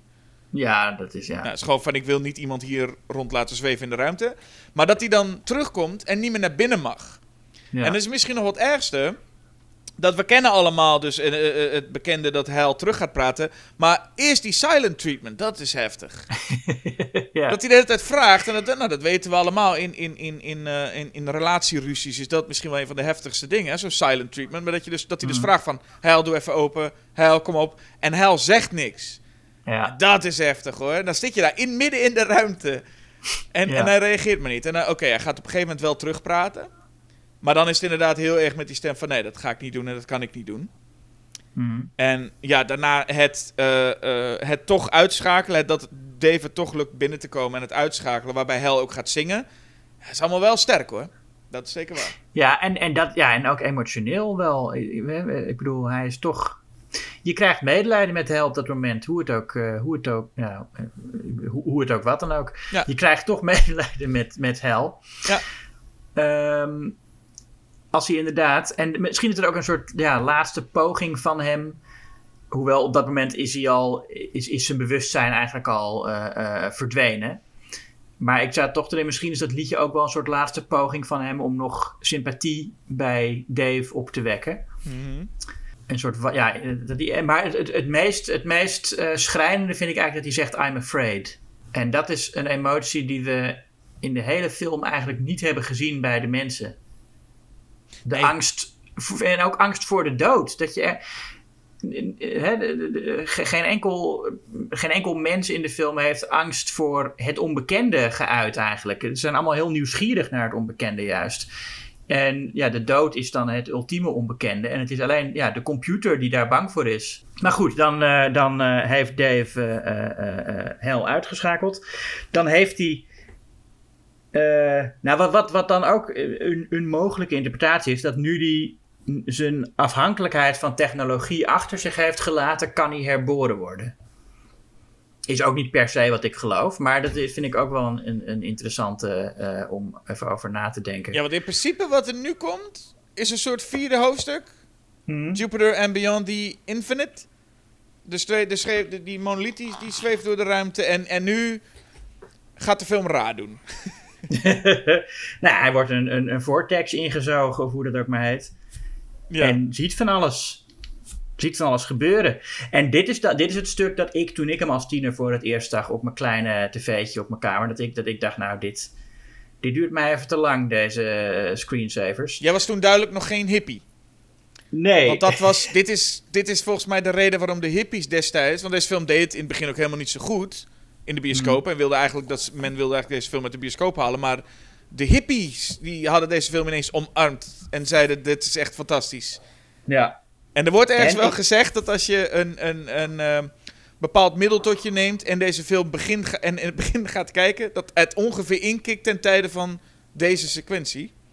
Oh, dat is handig. Ik, dat zou inderdaad heel handig kunnen zijn. Een soort van waar mensen soms zeiden van, eh, van zet nu uw 3D-bril op, dat zeggen neem nu uw pilletje. Of neem nu, Ja. ja, en, dan, en dan, nou ja, dan ga je die film in. Maar nee, hij ziet, eh, Dave wordt helemaal door elkaar geschud. We zien kleuren en olievlekken over het scherm. Ik vind dat nu een stuk mooier dan ik het eh, vond toen ik, het, toen ik hem voor het eerst zag. Duurt wel lang. Ja. Ja, het duurt wel lang. Nee, wat, eh, wat- heb je wat beters te doen? Nee, op dat moment niet. Maar dat moet ik vooral eigenlijk zeggen bij... Kijk, er zitten soms van die olievlekken en, en bepaalde dingen dat ik echt denk... Oh, dit ziet er wel heel tof uit. Maar op een gegeven moment sla- gaan we ineens over naar een soort helikopters met een kleurenfilter. Ja, dat is dat en die is vind ik, dan, dan Ja. zeg ik... Oké, dit had ik gewoon weggehaald. Maar ook omdat dit een van de weinige effecten is waarvan ik denk... Ja, dat vind ik nou net niks. Nou, dat is iets wat je zelf ook makkelijk kan reproduceren nu. Ja, en geen, van de, eh, en geen van de andere effecten die ik in deze film zie... zou- Is, kunnen dat, kun je dat. nee. En, en dit ineens, het valt ook echt op dat ineens van al die, die dingen die waarvan je denkt, dat heb ik nog nooit van mijn leven gezien. En ineens krijg je shots te zien dat je denkt, ah ja, dit, dit kunnen we nu ook zelf even doen. Ja. Eh, dus dit, ik, ik ben minder o- overtuigd van die filter eh, shotjes. Ja. Maar ja, eh, goed, toch eh, in, in die tijd zien. En ja, eh, het is, het is een heel lang stuk, maar, dat is, ja, maar ook weer niet. Want ja, hoe lang zou het. eh, Wat, wat is de correcte lengte voor dat stuk, weet je wel? Het is eh, nogmaals Kubrick die benadrukt van. Dit, de, de, de bedoeling is volgens mij telkens dat je eerst nadenkt, maar op een gegeven moment gewoon stopt met nadenken en gewoon gaat kijken. Ja. Ehm, en daarom moeten sommige dingen gewoon langer doorgaan dan ze. Maar- Dan, dan- ja, oké, dan heb je het punt, dan snap je wat er is. En nu ga je het gewoon puur emotioneel ervaren. Maar het is ook lastig, want deze film wisselt. Kijk, jij, je zei net ook al, als we, we hebben een, een ergens net na het eerste hoofdstuk hebben we een soort machineporno, waarbij we heel lang kijken naar al die eh, naar een ballet van dansende ruimteschepen. ja. Maar nu, net nadat we bij het spannendste stuk en het meest, eh, nou ja, traditionele spannende stuk van de film geweest zijn, komt dit. Waarbij Ja. ik me best voor kan stellen, je zit nog een beetje in die modus van, oké, Dave heeft de slechterik verslagen. Wat gaat hij nu doen? Of hoe komt hij nu thuis? Dat soort dingen gaat ineens in je hoofd. Je bent even weer traditioneel aan het denken. En als je dan vervolgens na, eh, eh, eh, eh, eh, nou, tien minuten naar olieverf zit te kijken, bij wijze van... Dan kan je Ja. nog in de mode zitten van... Oh, ik, waar, ik weet hoe het met Dave nu is. Ja, maar dat, dat is natuurlijk... Hij, hij, hij wil je uit die modus sleuren. Ja, en dan, Hij dan, heeft je heel even een, een, een thriller gegeven. En daarna is het, oké, nu gaan we weer terug naar puur... eh, eh, eh, ja, wat is het? Puur poëtisch, filosofisch film maken. Ja, en daar moet je net zin in hebben, inderdaad. Ja. Wat dat betreft. Als je net, ik, ik, ik zat wel lekker in die spanning. En ik weet niet of ik daar op dat moment zin in had. Maar daarom zou ik zeggen, de ene keer duurt het dan te lang. En de andere keer... ja, de andere keer kan je ook zeggen van... Oh, dat had voor mij nog veel langer mogen duren. Ik denk Ja. dat er hippies in de zaal ooit zaten die dachten... Ah, nee, nu al voorbij. Gaan we weer terug naar verhaal, ja? Oh, ja, verhaal trouwens, verhaal. Dat laatste stukje, hè? Dave komt in een andere ruimte. Ik weet niet of het heel veel verhaal is, maar het is wel bijzonder. Ja, nou, wat, ja wat, wat gebeurt daar? Hij komt in een, in, een, in een luxueus ingerichte kamer terecht. Luxueus ingericht en heel kil ook hier. En ook weer heel kil. Ja. En ja, is dat dan ehm, die superieure intelligentie die hem daar plaatst en denkt, nou, deze ruimte zal deze man leuk vinden? Hè, zoals je in, in een dierentuin ook een, een dier in een soort imitatie van zijn natuurlijke omgeving zet. Ja. Dat hij gewoon hier, ja, als een, als, als, een, als een beest in een dierentuin of als een beest in een laboratorium misschien eh, eh, geobserveerd en, en, en bekeken wordt. En Dat is een soort tussenruimte voor van de, de aliens hebben hem hier neergezet. En nou ja, eigenlijk een soort van dit is, dit is wat hij kent. ja. En we zien ook dat hij steeds ouder wordt. Deze, dit stuk heeft sowieso voor mij het meeste de, de Shining vibes. Ja. Ja, en, en we, op zich hadden Kubrick en Clark wisten wel wat het. hadden wel een idee van wat het was. Die, die zeiden inderdaad van nou, het is gewoon hij wordt daar geobserveerd door die, door die aliens. En hij heeft ook geen gevoel voor tijd meer. Daarom gebeurt het allemaal zo. eh, dat hij zo snel ouder wordt. Je zou ook kunnen denken dat hij, dat hij gewoon ergens bewusteloos is. En dat dit een soort onbewuste verloop van zijn leven is. Ja, want hij ziet elke keer, hij kijkt opzij en, en is, hij, of dan is hij aan het eten. Er zit een oudere man en dan is hij aan het eten. En dan kijkt hij nog een keer opzij en dan hij, ligt hij in bed. En dan zie je een nog veel oudere man. Eh, en uiteindelijk verschijnt hij ook de monoliet weer. Ja. En dan is, en, en dan is Dave een baby. Ja, als je het, Ja. ja, als je het zo zegt, is het natuurlijk... Maar ja, dan is hij een baby en dan Een ruimtebaby. een ruimtebaby. En dan is altijd nog een beetje de vraag, is, is, hij nu, is het nu perspectief of is hij een, echt een enorm grote baby die naast de aarde zweeft? Nee, volgens mij is hij, is hij een kleine baby. Het is een kleine baby, maar, maar, eh, maar het is gewoon perspectief. Want het lijkt, het lijkt ook wel alsof hij een gigantische baby is. Vergeleken met de aarde. Ja. Nou, misschien is het, dat is natuurlijk misschien wel ook om, om, om, om een soort superioriteit weer te geven. Dat dit nog een nieuwe stap in de ontwikkeling van de mens is. Ja, mensen zeggen soms een nieuwe stap in de evolutie. Maar dat is natuurlijk niet waar. Want een individu kan niet evolueren. Het is een, een nieuwe stap in de ontwikkeling.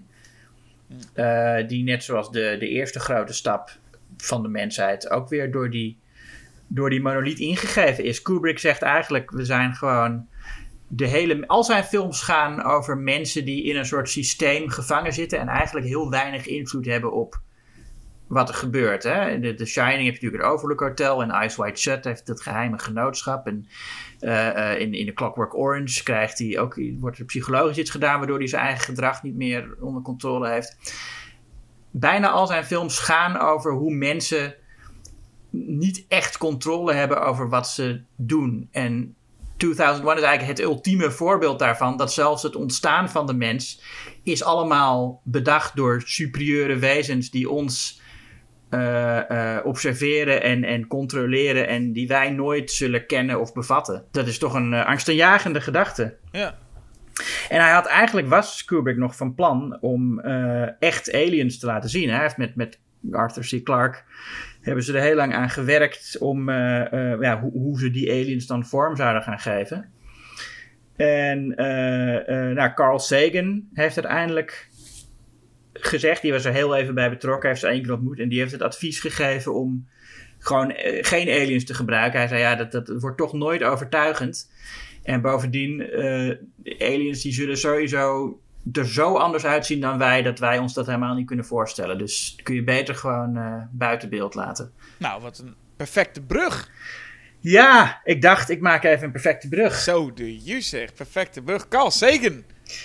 Carl Sagan. Als we tenminste klaar zijn met eh, 2001. Voor nu wel. Mag ik nog één ding zeggen wat me opviel?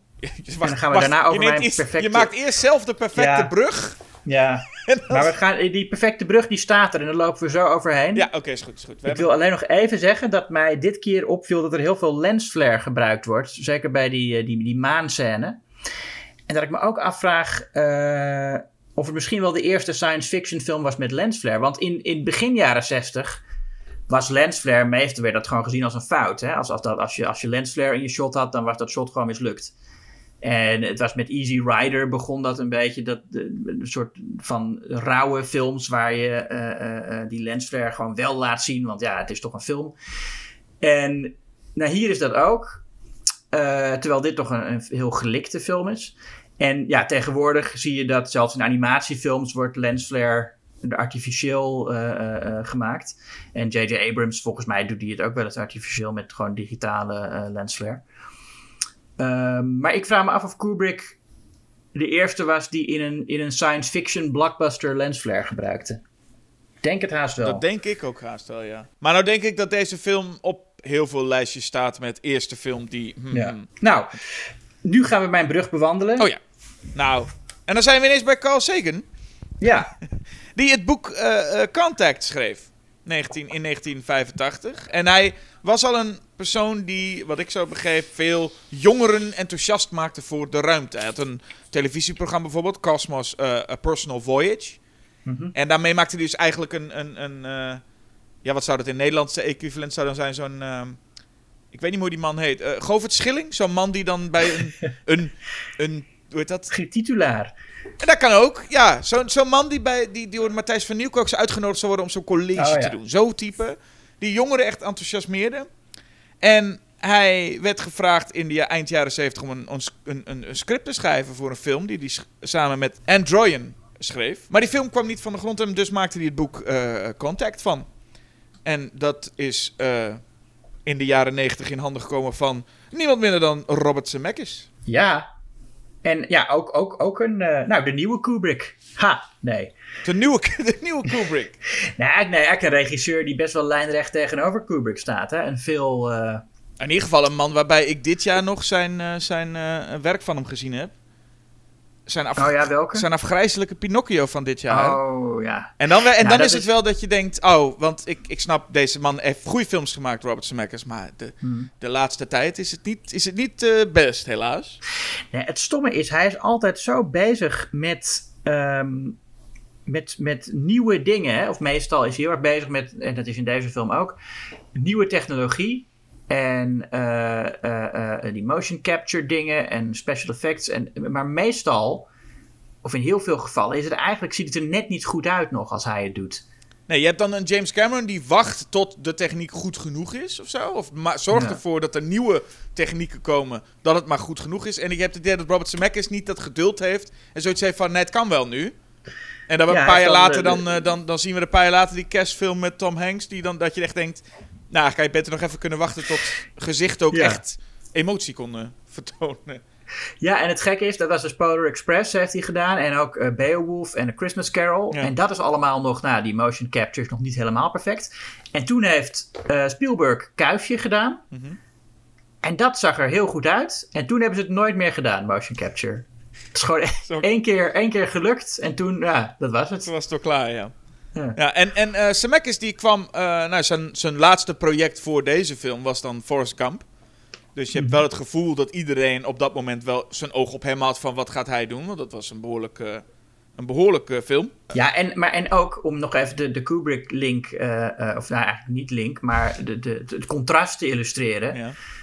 Ehm Forrest Gump is natuurlijk een beetje, ja, het ideologisch gezien het tegenovergestelde van een, van een Kubrick-film. Die zegt eigenlijk van, nou ja, iemand die op het eerste gezicht niks voorstelt, kan ontzettend veel invloed hebben op de wereld. Ja. En ja, het is ook een ontzettend sentimentele film. En ik vind het ook een behoorlijk slechte film, Forrest Gump. Eh, ook, ook in die zin een contrast. Maar je ziet al dat ideologisch eh Zemeckis best wel tegenover Kubrick staat. Ja. En dat zie je ook in, in deze film. En deze film heeft veel, eh, ehm, veel eigenlijk raakvlakken, maar juist ook heel veel verschillen met 2001.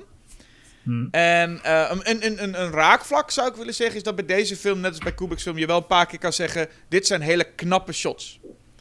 Oh ja, zeker. En eh, daar begint eigenlijk de film ook mee. Want de film begint met een hele lange zoom.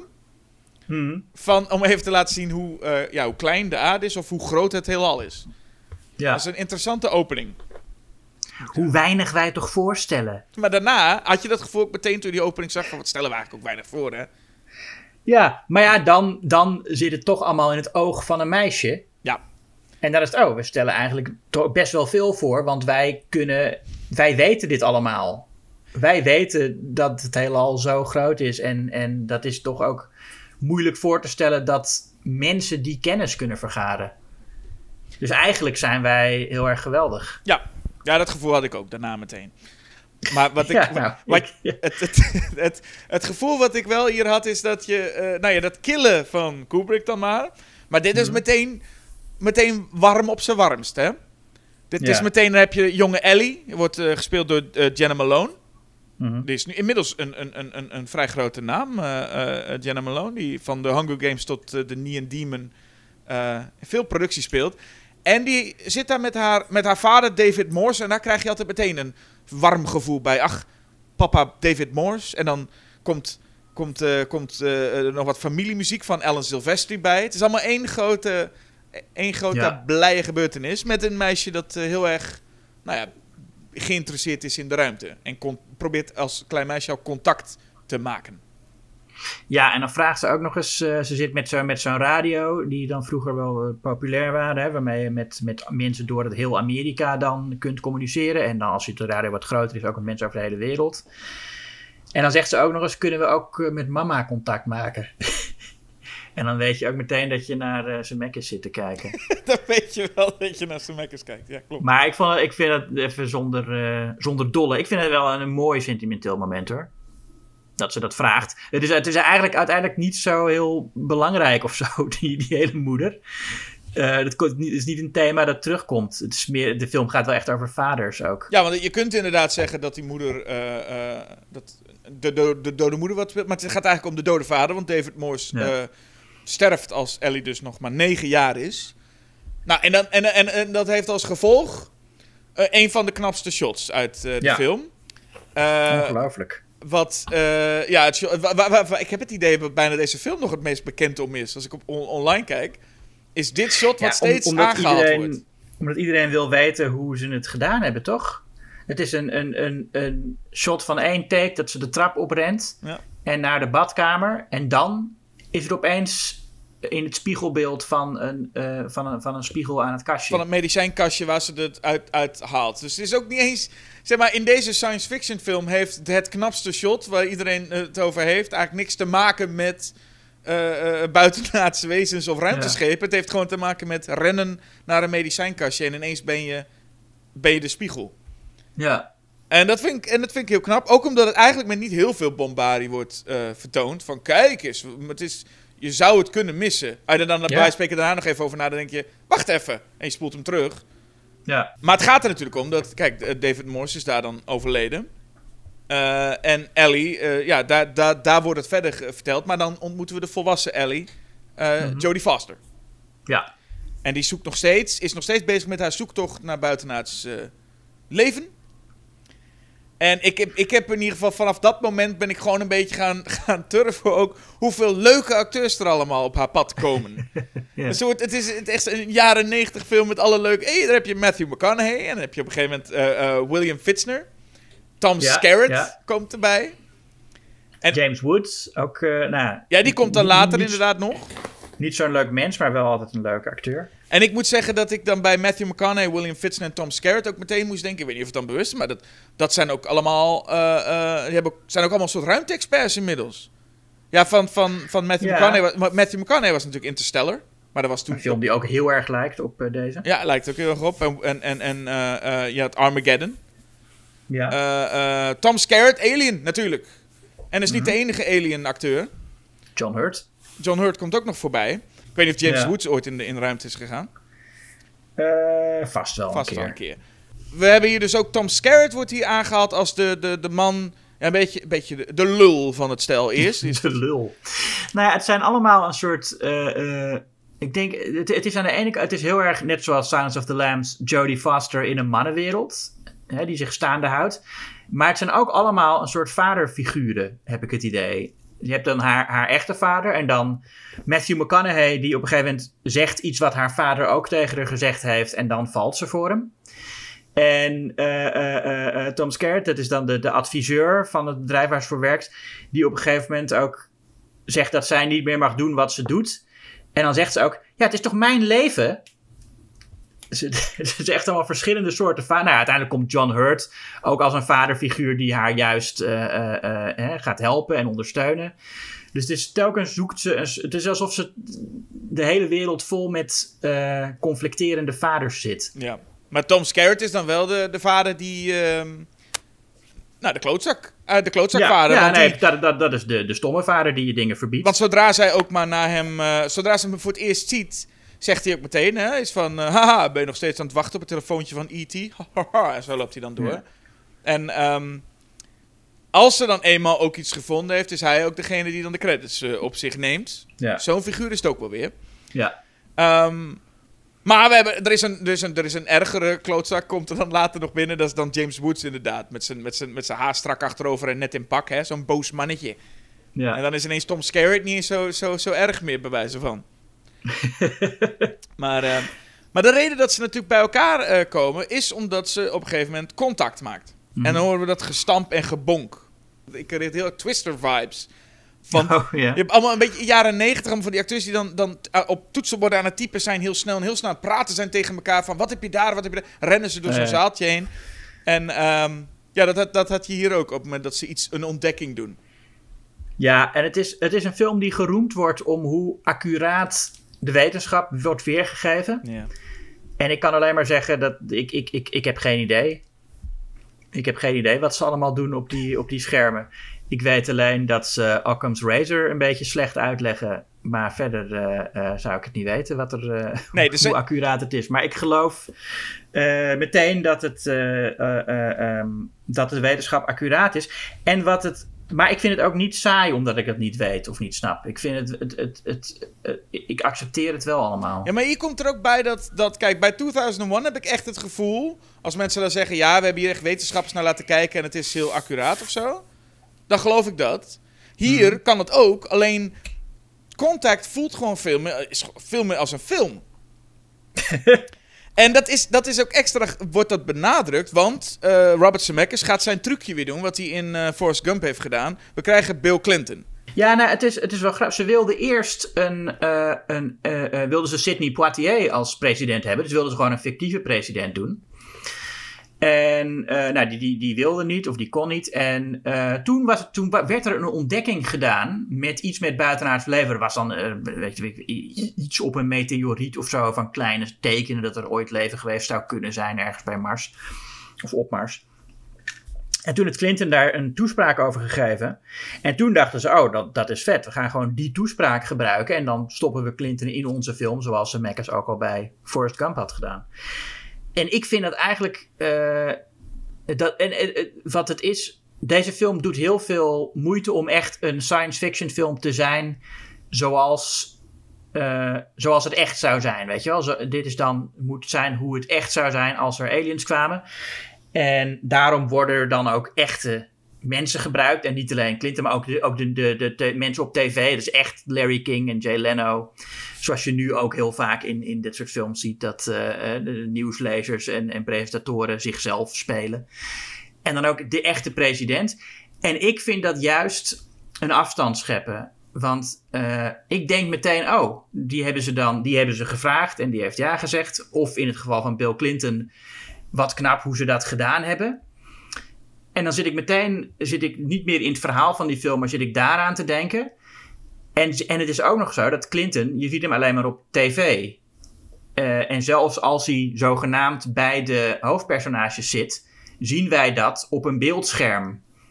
Dus je kan hem niet eens echt laten zien. Dus het, het, het, het schept echt een afstand. Het, wordt, ik vind het er minder overtuigend door worden. Ja, en dat snap ik. En wat ik tegelijkertijd heb, is dat de voel, het, ze, ze willen natuurlijk hiermee echt een realistisch gevoel geven. Van, kijk, het is net echt, want het is de echte eh, eh, president.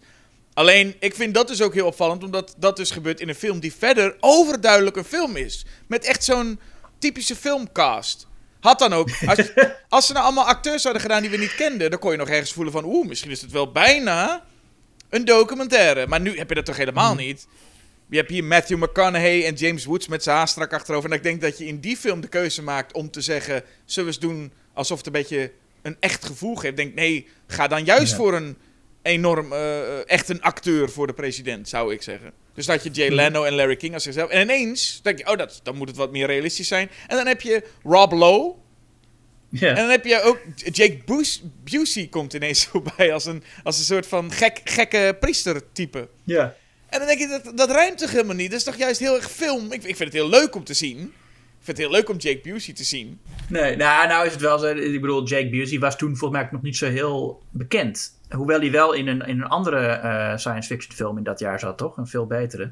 In eh, Starship Troopers. Ja, precies. Ja, en hij werkte met Zemeckis eh in een jaar eerder in, met The Frighteners. Ah, ja. Daar zat hij ook Ja. in. Dus, maar goed, ehm, en oh ja, en dan die, te- die technische, waar je zei, de technische accuratie, vind ik wel leuk. Dat Ellie komt dan thuis en heeft ze een mail gekregen. En daar staat ook zo typisch, op haar grote scherm staat dan heel groot, you've got mail. En dan klikt ze erop en dan staat er met hele grote letters, krijg je dan die Ja. mail te zien. En de afzender is dus inderdaad John Hurt. Nou, we hebben al even gezien namelijk, met al die, al die tv's, eh, al, al die tv-mensen, dat iemand, iemand zit die tv's te kijken en die zit vier tv's tegelijk te kijken op verschillende zenders. Dat is altijd hoe je in films laat zien dat iemand heel briljant is. Die zit dan naar vier verschillende, eh, eh, eh, of nou, wel op één scherm, maar vier verschillende zenders tegelijk eh, zat hij te kijken. En eh, daardoor raakte hij geïnteresseerd in Jodie Foster. Het is een, eh, een, eh, een, een, ja, een, een, een, een, een, miljardair die wil investeren in het zoeken naar leven op andere planeten. Ja, we kunnen eigenlijk zeggen, zoals ik hem zou noemen, is het John Hurt. Die speelt hier een, een Dr. Evil James Bond schurk. Want ik Ja. weet echt hoe hij daar zit en dat hij dan op zo'n stoeltje zit. Het is echt van een eh, mevrouw Ellie, I was expecting you. Hij heeft nog net geen kat op zijn schoot. Ehm, Wat ik leuk vind, nogmaals, heel veel dingen die ik heel erg leuk vind. Maar daarom voelen alle momenten dat de film zo wil zeggen: ik ben, eh, ik ben accuraat, ik ben eh, eh, hè, net echt toch dit? Dat vind ik dan extra grappig, omdat het zo ongelooflijk een, gewoon een leuke film is. Ja, en dat is wel iets om, om nog te zeggen. Het is inderdaad echt een leuke film zoals ze in de jaren 90 nog gemaakt werden. Echt een popcornfilm. Maar dan vooral gericht op mensen van boven de 15. Als je nu... Er worden natuurlijk heel veel popcornfilms gemaakt, maar die zijn bijna allemaal, ja, vooral voor een veel jonger publiek. eh, ook, of, of, of geestelijk jonger publiek, maar ook echt ja, gewoon kinderen van, van 13, 14. Dat is waar, waar de Star Wars en de, de superheldenfilms vooral voor gemaakt worden. Ja. En in de jaren 90 had je nog gewoon popcornfilms voor volwassenen. Ja, Zoals dit. En dat, dat vond ik echt heel lekker ook om te zien. En ik, ja, sowieso dat je ja, Jodie Foster weer en John Hurt en al die mensen die, dan, die je ook associeert met dat soort films. Eh, ja, vond ik zo fijn om, om weer te zien. Dat je, zo, dat je na een kwartier echt denkt van... Oh ja, dit is gewoon echt een lekkere, goede film. Ja, en het is een film die, waarvan je zou kunnen zeggen... hij is, hij is eh, eh, wel dommer dan je zou denken... maar hij is ook slimmer dan je zou denken. Ja, nou hij is vrij simpel. En, en, en vrij eenvoudig in zijn visie. Ja, maar de film wil volgens mij wel doen alsof het wat meer is dan het, dan het eigenlijk is. Want de film is... Hij een- heeft al filosofische ideeën, maar uiteindelijk is de benadering heel simpel. Ja, en misschien komt het ook deels doordat we hem bespreken... In de- maar ja, dat is Ipe's schuld. Dat we bespreken in een, in, in een podcast naast 2001... Waarbij alle filosofische dingen die de film een beetje... Dat is toch gewoon... Ja, dat, dat, daar lach je dan een beetje om. Tegelijkertijd is het helemaal niet zo'n hele domme film. Het is best wel een film die... En, ook hele interessante keuzes maakt. Want we, eh, het verhaal gaat door met Jodie Foster. Want eh, ja, eigenlijk het verhaal is... Ze heeft contact gemaakt. En dan wordt er een soort selectiecomité bedacht... voor wie gaat in zo'n apparaat zitten... om eens met echt in contact te komen met wat deze... Want deze lui geven een soort code, toch? Ja, Die ze- ja die- ze, hebben een, nou, ze hebben een soort, een, een, ja, hoe noem je, een, een, een, een, een, handleiding gegeven om een machine te bouwen. Een soort, ja, ze hebben een soort eh, eh, eh, eh, signaal en, daarmee, ja, en een machine te bouwen, dat doen ze dan. En dan moet dan iemand in zitten. En dan wordt Jodie Foster wordt dan, wil dan daarheen. Geeft allemaal hele leuke, goede antwoorden, hè? Daarvoor toch? Ja. Maar dan is er dus eh, ehm, Matthew McConaughey. Want zelfs James Woods moet daar, die luistert dan mee. En die zit dan hè, met zijn met zijn- met zijn- met zijn boze hoofd zit hij al te hopen dat ze fout maakt. Maar dan zegt iemand ook tegen James Woods, als ze dan zo'n goed antwoord geeft met... Oh, she's good. En dan de- denkt hij ook van, oh ja, het is eigenlijk wel het perfecte antwoord, jammer. Maar dan komt Matthew McConaughey met, geloof je in God? Ja. En die vraag is voor iedereen die daar dan ook aanwezig is echt mega relevant. Wat je daarop gaat antwoorden. Hmm. Dus dat gaat niet, het gaat niet door voor Jodie Foster vanwege die vraag. Ja, nou, maar dat, dat is ook wel zo. Dat zeker in die tijd in Amerika eh, en, en nog steeds, volgens mij, ehm, er echt een enorm wantrouwen is naar mensen die niet geloven. Als er onderzoek gedaan werd naar op, op wie zou je stemmen als president hè, en, en, dan, en, en, op, en op wie niet, dan staan atheïsten altijd onderaan van mensen die ik zou nooit op een atheïst stemmen. Ja. Dus eh, wat dat betreft is dat, is dat begrijpelijk. En het is ook ehm, wel bijzonder dat het in een film zo erg daarover gaat. Want er zijn eigenlijk heel we- voor een land waar het christendom zo belangrijk wordt gevonden, zijn er best weinig films die daar expliciet mee omgaan. Grote Hollywoodfilms van dit kaliber die expliciet gaan over de vraag of God bestaat. Ja. Eh, het is wel een vraag waar de film, vind ik, dus op vrij oppervlakkige manier mee omgaat. Je hebt dat gesprek tussen eh, eh, eh, Jodie Foster en Matthew McConaughey eerder in de film. Hè? Dan hebben ze het over God en dan zegt zij, nou nee, ik, ik geloof niet, want er is geen bewijs. En dan zegt hij, hou je van je vader? En dan zegt ze ja, en dan zegt hij, bewijs het. En dan is zij helemaal met stomheid geslagen. Van de, en ik, ik geloof er dus niks van dat zij door die vraag van de stuk gebracht zou zijn. Nee, want we zien ook later dat ze dus door zo'n heel comité wordt ondervraagd. En dan weet ze altijd de perfecte antwoorden te geven. Dus het is ook een beetje gek dat haar persoon echt iedere keer overrompeld wordt door dit soort dingen.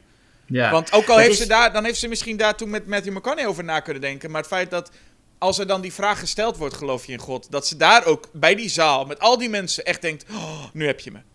En ik denk, ja, Ja. volgens mij werd Jodie Foster leren kennen als iemand die wel goed, niet precies weet wat ze moet zeggen. Maar ze, Ja. ze is zichtbaar helemaal perplex. Ja, maar die scène waar haar dan gevraagd wordt om, om te bewijzen dat ze van de vader houdt, dat deed me heel erg denken aan van die anti-atheïstische films van eh, God is not dead en zo, weet je wel? Oh, die, ja. die, die, en, en, en, en waarin de atheïst vernederd wordt en zo. Eh, terwijl, ja, dat is helemaal geen. Dat, zij, is, zij zou als wetenschapper moeten zeggen: van ja, maar dat is helemaal geen wetenschappelijke vraag. Of ik van mijn vader hou. De- liefde is geen wetenschappelijk concept. En wat wij liefde noemen, dat, is, ja, dat verwijst naar eh, een gevoel en ook gedrag dat daarbij hoort. En dat is heel makkelijk te bewijzen. Zo'n soort antwoord zou ze kunnen. Het is ook een vraag die, elke, die heel vaak aan atheïsten gesteld wordt. Hoe bewijs je liefde? Dus ik geloof er niks van dat zij zo. eh, En dan om nog eens nog een, nog een ding. Waar, waar waar de film vrij oppervlakkig en simpel mee is. Is eh, het scheermes van Ockham. Wat dan wordt gezegd van. Nou, het, dat betekent dat. eh, ehm, de eenvoudigste oplossing is de juiste. Dat is volgens mij hoe ze het hier uitleggen. En daarom wordt het ook heel vaak gezegd om dan te bewijzen dat iets, iets niet zo is. Maar dat is helemaal niet hoe het eigenlijk werkt. Het is, het is iets. De, de, scheermes dat wordt gebruikt bij wetenschappelijk onderzoek. Omdat, eh, om, omdat de eenvoudigste oplossing het makkelijkst te falsifiëren zou zijn. Dus de oplossing voor een bepaalde uitkomst, waarvoor de minste aannames nodig zijn, is het makkelijkst te falsifiëren. En daarom controleer je die als eerst als je iets onderzoekt. Maar het heeft er niks mee te maken dat het waarschijnlijker is dat het waar is als het eenvoudiger is. Het, het eenvoudigste antwoord is niet per se het juiste antwoord. En het is ook zeker niet zo dat een ingewikkelder antwoord niet juist is, omdat er een eenvoudiger antwoord is. Het is gewoon een, eh, eh, eh, een, een, een handige methode, of de, de handigste methode om, om, om onderzoek mee te doen. Tom Skerritt, dat zal niemand verbazen, maar Tom Skerritt gaat uiteindelijk, mag uiteindelijk gaan, hè? Ja. Die, eh, die gelooft wel in God dan. Ja. Of zij in ieder geval gewoon ja. Hmm. Ik- Dan kun je natuurlijk ook makkelijk afkijken. Dat je ziet, oh, op die vraag ga ik dus eigenlijk gewoon ja moeten zeggen en dan ben je er. Ja. Ehm, en dan komt... Ook iets waar ik heel erg om moet lachen, want dan komt eh, Jake Busey dus terug.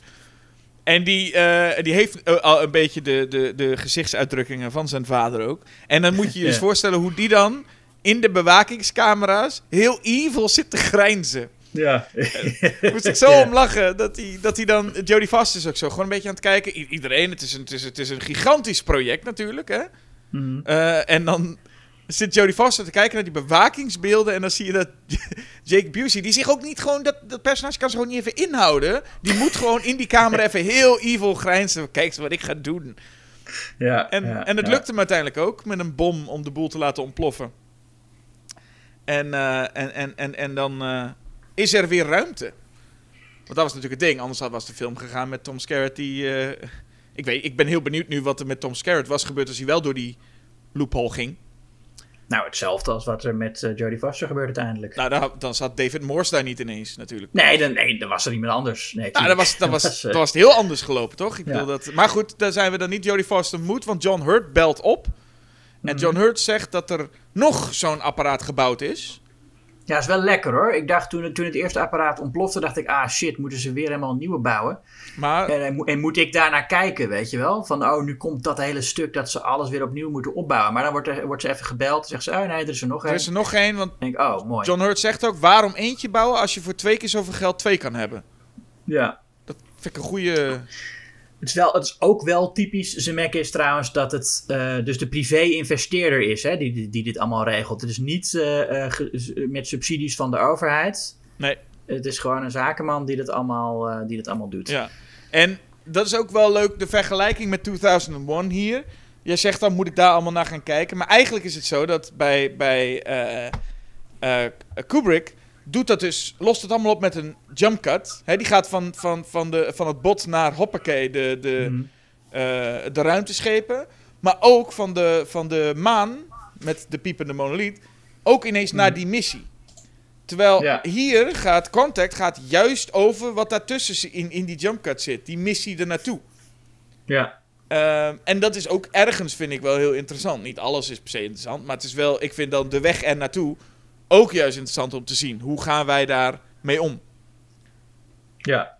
En ehm, nou, wat, wat wij, hoe wij ermee omgaan, dat zien we dan ook. Dat Jodie Foster dus in het apparaat mag. En dan bewegen er van die, eh, van die ringen, die draaien heel, heel heftig rond. En dan wordt Jodie Foster naar beneden gegooid. Ja, en eh, op zich een mooi, spectaculair eh, apparaat. Dat ook wel weer eh, eh, eh, ergens op gebaseerd zal zijn en wetenschappelijk accuraat zal zijn. Maar vooral, wat mij betreft, een mooi ding om te zien. Ja, en dan krijg je wat eigenlijk Dave in 2001 ook een beetje overkwam. Hè? De, de, de, de, door al die, die wormgaten en dan eh Jodie Foster's gezicht komt dan uit haar gezicht. Dat soort dingen wordt alle kanten op Mhm. geslingerd. Ehm, relatief vergelijkbare scène. Ik weet, Ja, ik vind hem nog steeds in, in 2001 mooier om te zien. Oh, dat, dat kan heel goed. Eh, Behalve, behalve de, de, de, de helikoptershots met, eh met eh, ja, filter. nee, goed. Maar wa- wat zij hier ziet, ja. En, en, en wat en maar goed, maar zij zegt, dat is ook wel een verschil natuurlijk. We zien nauwelijks hoe Dave reageert op al die dingen. En hier juist zien we heel en erg... hier is het ja, vooral wat Jodie Foster inderdaad ervan vindt. En dat ze het zo mooi vindt. En dat ze vindt dat ze een poëet hadden moeten sturen in plaats van een wetenschapper. En zij uiteindelijk komt zij op een strandje terecht. Mhm. En dat refereert heel sterk naar haar eh, eh, soort van tekening die ze vroeger maakte. Van een strandje ook. En, Mhm. dan, en dan komt daar ineens, dan, dan gaan we een alien zien. Maar dan zien we ineens David Morse. ja. En dat is, Hè? is, dat is ook wat toch? Was het haar vader al die tijd? Maar nee. Eh, het, het is gewoon dat de alien weet dat zij eh, al als mens het, eh, comforta- comfortabel zou zijn. Wat op zich wel, het is wel een risico wat je neemt hoor, als alien. Ja. Om te denken van nou, ik ga mij even verkleden als, als de meest ja, geliefde persoon. In, in, dus de, de, de man waarvan zij het meest houdt, die ze verloren is. Ja. En, en ik, hoop, ik hoop maar dat ze er goed op reageert. Dat ze niet... Nee, en de vergelijking is natuurlijk ook heel sterk geweerd te maken met God. hmm. Want het, hè, mensen denken ook, zeggen ook dat God eruit ziet zoals de mens. Want hij heeft de mens Mhm. gemaakt zoals wij eruit zien. En ze noemen hem dan ook onze vader. Dus in die Ja. zin is het een beetje, ja, is het ook een soort godverschijning. Zoals David Morse, als vader komt hij daar eh, met, eh, met haar praten. Mhm. En dan, dan zegt hij, als de alien zegt dan even dat het, dit gebeurt al miljarden jaren zo. We, gaan echt stapje voor stapje. Maar dat vind ik dan weer een beetje een, een, een, eh, een, een, een rare... Ik snap niet helemaal wat ze eraan hebben. Want mensen, ze, gaan mensen, ze laten mensen hen kort zien, zo. En dan Ja. sturen ze ze zonder enig bewijs weer terug, zodat ze waarschijnlijk voor gek verklaard worden. Ik vraag me af wat dat voor... Wat dat is dat voor aanpak van die aliens?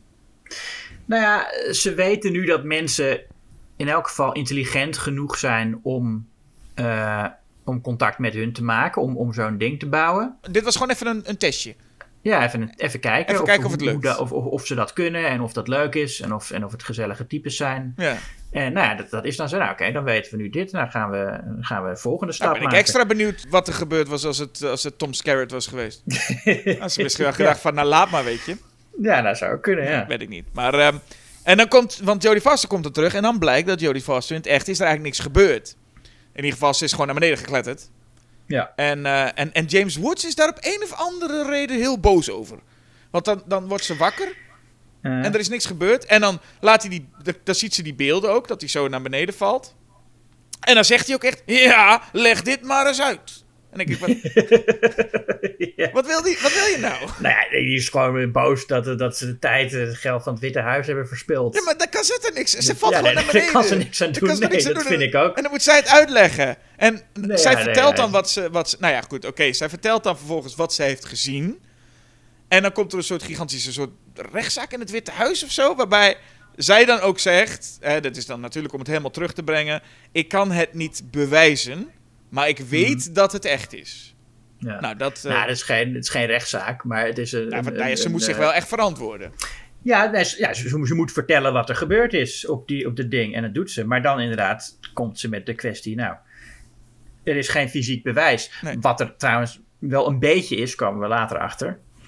Maar ehm, zij weet niet dat dat bewijs er is. Dus zij denkt dat er geen bewijs is. Nee, dat is echt, dat is echt de, bru- de, de brug naar... eh, eh, van, eh, ja, het is net als geloof, hè? Je, er is geen bewijs, maar het is wel echt. Ja, en, maar dat, dat vind ik zo'n. eh, kijk, dat is helemaal geen wetenschappelijke vraag of God bestaat. Dus daar heeft. Dat, dat, dat is zo. Is een, een totaal, andere, een totaal ander gebied waar je in zit. Als je het hebt over religie of over de wetenschap. Dit is gewoon een wetenschappelijke kwestie. Ja. Is er buiten het verleden, hebben we daarmee contact gehad? Ja. En de, ja, de vraag van God, dat is een, een, een, een spirituele vraag. Dat heeft, daar, daar hoef je ook helemaal geen bewijs voor te hebben. Daar, daar speelt bewijslast ook geen rol, denk ik. Nee. Althans, niet, niet voor gelovigen. Nee. Dus het is. eh, ehm, ik, de- daar zit ik wel mee. Dat deze film die twee dingen een beetje aan elkaar gelijk stelt. En doet alsof als je een wetenschapper bent die alles wil bewijzen, dat dan ook. Dat je dan ook die visie met alles moet hebben, weet je wel? Dat, je, dat alles in je leven op bewijs gebaseerd, op, op onomstotelijk wetenschappelijk bewijs gebaseerd moet zijn. Ja. Als je die mening hebt en dat je anders hypocriet bent. Nou ja, en mijn, ik blijf de hele tijd maar denken bij het einde dan als het zo... En wa- wa- waarom die James Woods daar zo boos nog over is? Waar wint hij zich nou zo over op? Want de hele wereld heeft gezien hoe zij er gewoon Ja. doorheen viel. Dus wat kan hem het nou schelen? Dat zij nu... Het, alsof hij wil op haar...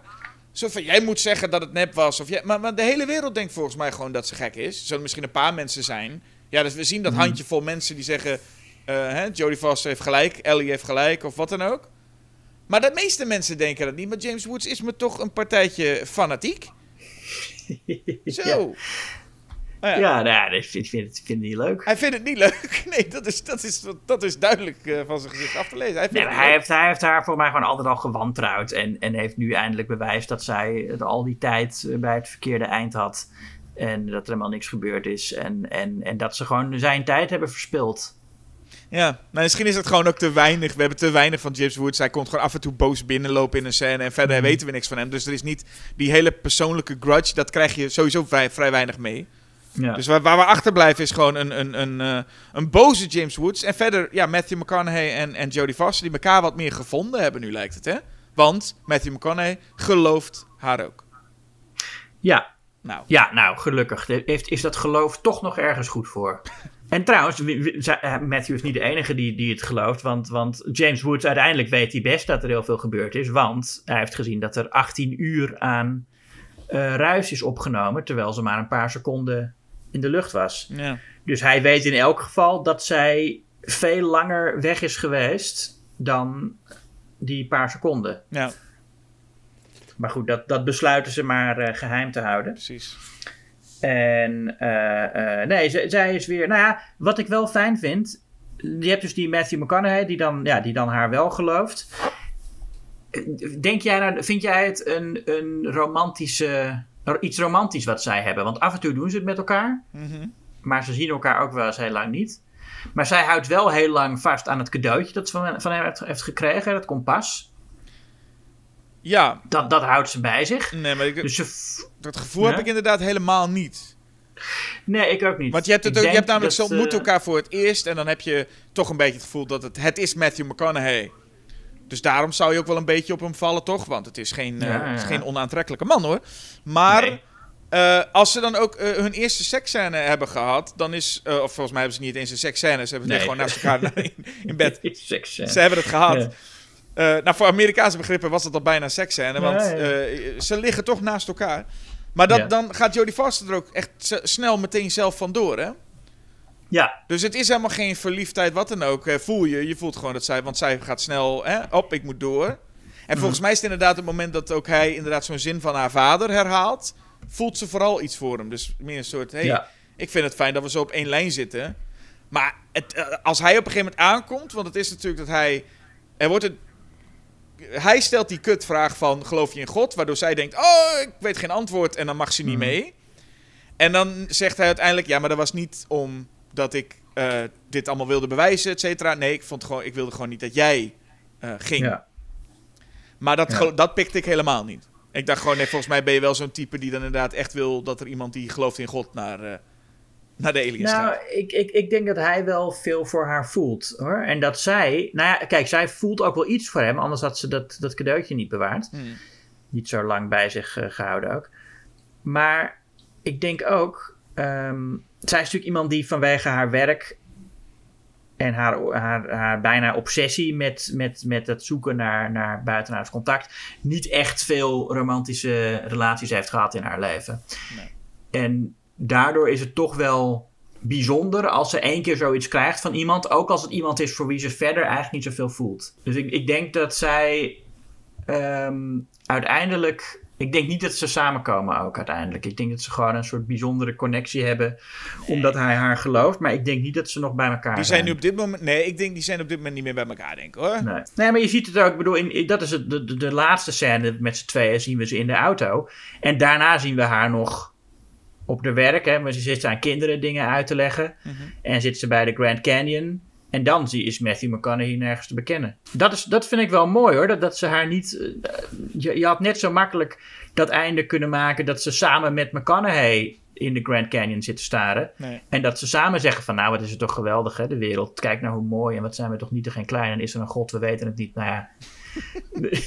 maar maar dat, dat is maar ze zit gewoon daar in de eentje lekker eh, te, te denken aan wat allemaal heeft meegemaakt. Ja, ze heeft eh, eh, overduidelijk een relatie met haar werk. En dat is de relatie die we aan het einde ook gewoon nog zien. Ja. Matthew McConaughey is gewoon, wordt gewoon af en toe gebeld voor... eh is gewoon een fuckbuddy, denk ik. Ja. Ja. En dan gaat hij een beetje lastig vallen met vragen over God. En dan heeft hij ze, nou, nou is het wel Nou is het er genoeg, gaan we, weer, gaan we weer naar huis. Ja. Nou, dan hebben we... hè? We hebben het warm en we hebben het koud gehad. Ja, zo is dat. Dan wil ik je de hele moeilijke vraag stellen. Waarom zou je 2001 behouden en Contact wegdoen?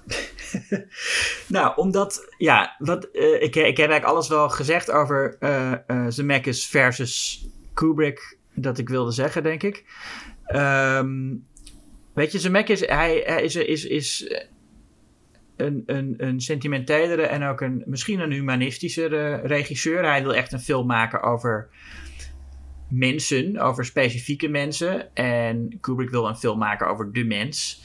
En Zemeckis wil een film maken met toch uiteindelijk een, ja, wat een, een makkelijke, behapbare boodschap. En een best optimistische boodschap. En Kubrick is geïnteresseerd in een, een film waarin, ja, waar, waarin de mens een soort speelbal is van grotere machten. En eh, waarin alleen maar we, we voortdurend onzeker zijn ook. En, en daar, daar eindigt die film ook mee. Is alleen maar onzekerheid.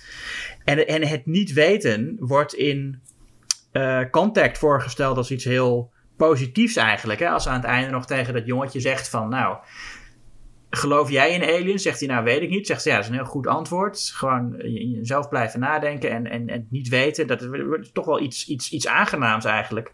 En bij Kubrick is het eerder iets... Uh, nou, je, je hebt niet anders dan het te accepteren dat we niet zeker zijn van wat er is. En we kunnen het ook nooit gaan begrijpen. En de aliens die, ons, die contact met ons zoeken, dat zijn geen lieve vaders. Maar dat is gewoon een, doen ze met een, met een groot zwart blok. Zo, dat eng gaat piepen als je er een foto van maakt. Dus de, ja, de, bij, bij hem is het allemaal veel beangstigender. En, en, en, en, en veel onzekerder. En er worden gewoon echt vragen opgeroepen bij Kubrick. En vragen zijn altijd interessanter dan antwoorden uh, in de kunst. En uh, ja, onder andere daarom. En omdat het ook gewoon een veel uh, grotere mijlpaal is in de geschiedenis van de cinema. Wil ik uh, 2001 toch wel behouden, Jasper? Ja, toch wel. Zo. Ja, en, en jij dan? Ja. waarom, waarom gooi jij Kubrick's meesterwerk de vuilnisbak in, zodat je nog een keer naar Jodie Foster kan kijken? Ja, ik kan, nu, ik kan nu best wel wat dingen zeggen die, die we ook wel een beetje besproken hebben met... Hey, Contact is veel warmer. Uh, contact mm. is, is, is veel beter te volgen, is niet zo vaag. Dat zijn allemaal argumenten en allemaal dingen die je kunt benoemen. Je kunt meer zin hebben in Contact. Hè? Jij moet toegeven, je hebt soms meer zin in een Contact dan in een 2001. Ja, zeker, zeker. Maar ja, dat is allemaal wel zo. Ik denk mijn hoofdargument zou zijn... Kijk, je moet een film weggooien... Uh, en je moet de film uh, behouden om hem vaker te zien. Kijk, en Contact zou best kunnen dat ik daar over een tijdje denk... Ah, ik, ik heb wel even weer zin. Hè, ik heb net Twister gezien. Ik wil straks Armageddon kijken. Wat past daar tussendoor? Even Contact. Beetje, een beetje in, in de jaren 90 sferen. Maar 2001... Mm. En ik snap wel dat jij hem nog wil behouden. Want jij zei al, ik heb hem nog niet in de bioscoop gezien. Ja. Ik heb 2001 in de bioscoop gezien. En heel eerlijk, dat is de enige keer dat je 2001 zou moeten zien. Het hmm. wordt niet beter dan dat. Ja. En ik moet dan zeggen, dan kijk je hem daarna op klein scherm. Ja, en dan valt hij toch altijd een beetje tegen. Want die, dat wat je op het grote scherm hebt, dat krijg je. En dat, er zijn niet veel films die dat hebben, vind ik. Je weet natuurlijk, elke film is in een, in een grote in een bioscoop. Komt goed tot zijn recht vaak. Hmm. Maar er zijn weinig films die echt, echt in de bioscoop een hele andere film eigenlijk zijn dan op je tv'tje uh, uh, in, je, in je woonkamer. Ja, en wat dat betreft zou ik zeggen, ik ga nooit meer zo'n vertoning kijken. Dus voor mij mag die weg. Het is, het is af, het is klaar. Zo. En ik zou zeggen, dat zou iedereen moeten hebben. Heb je 2000 nog gezien op het grote scherm? Mooi. Gooi die videobanden en dvd's of blu-rays maar weg, want het is goed zo. En dan zou ik zeggen, Contact, nou die kan nog, die kan nog flink groeien. Die wil je nog wel een keer opzetten. Ik zou hem zo volgende week nog even moeten kijken. Even weer van genieten. Dus het is, het is, uh, het is goed zo. Perfectie moet je ook maar één keer gewoon zien. Hmm. Um, dus dat zou mijn voornaamste reden zijn om te zeggen, nou dan is 2001 ook wel klaar. Terwijl Contact, even heel eerlijk, Contact is ook wel gewoon een hele leuke film. Het is een ontzettend leuke film. Ontzettend leuke film. Ja, een enorm leuke gewoon, cast. Uh, um, uh, het, het, het, is, het is gezellig, het is warm, het is grappig. Um, dus uh, ik heb er geen spijt van, denk ik. Ik ga er ook geen spijt van krijgen. Ik heb mijn, mijn viewing 2001 al eens gezien.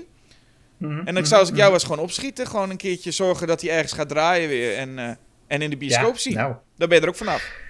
Ja, nou, dat, hij staat zeker nog op mijn lijstje van films die ik nog graag een keer in de bioscoop wil zien. Dus uh, uh, nou, dat zal vast nog wel eens gebeuren dat het, uh, het filmmuseum hem draait.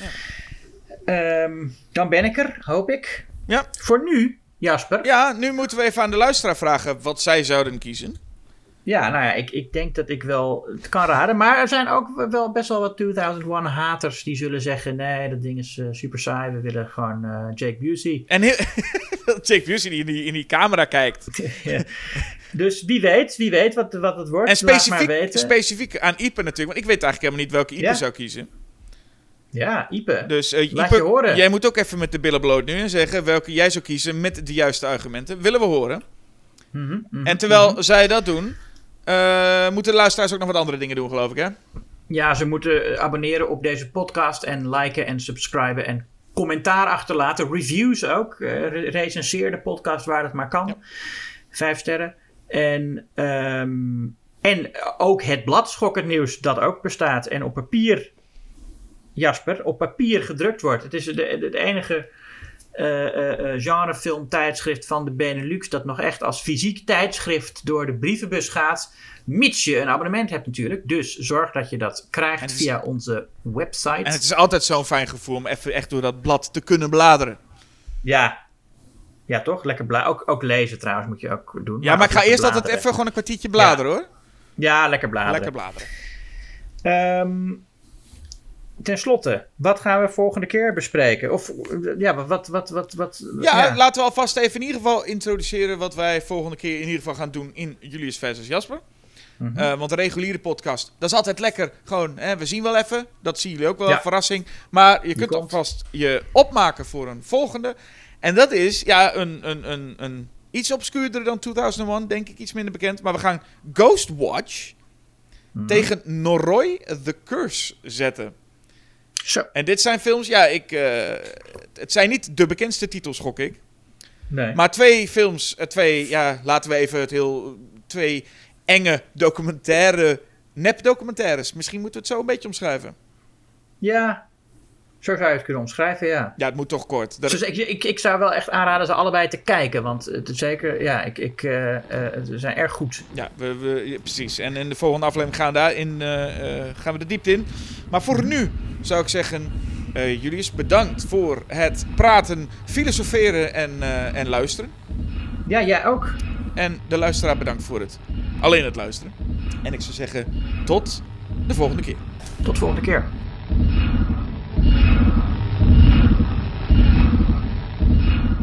Open the pod bay doors, Hal. I'm sorry, Dave. I'm afraid I can't do that.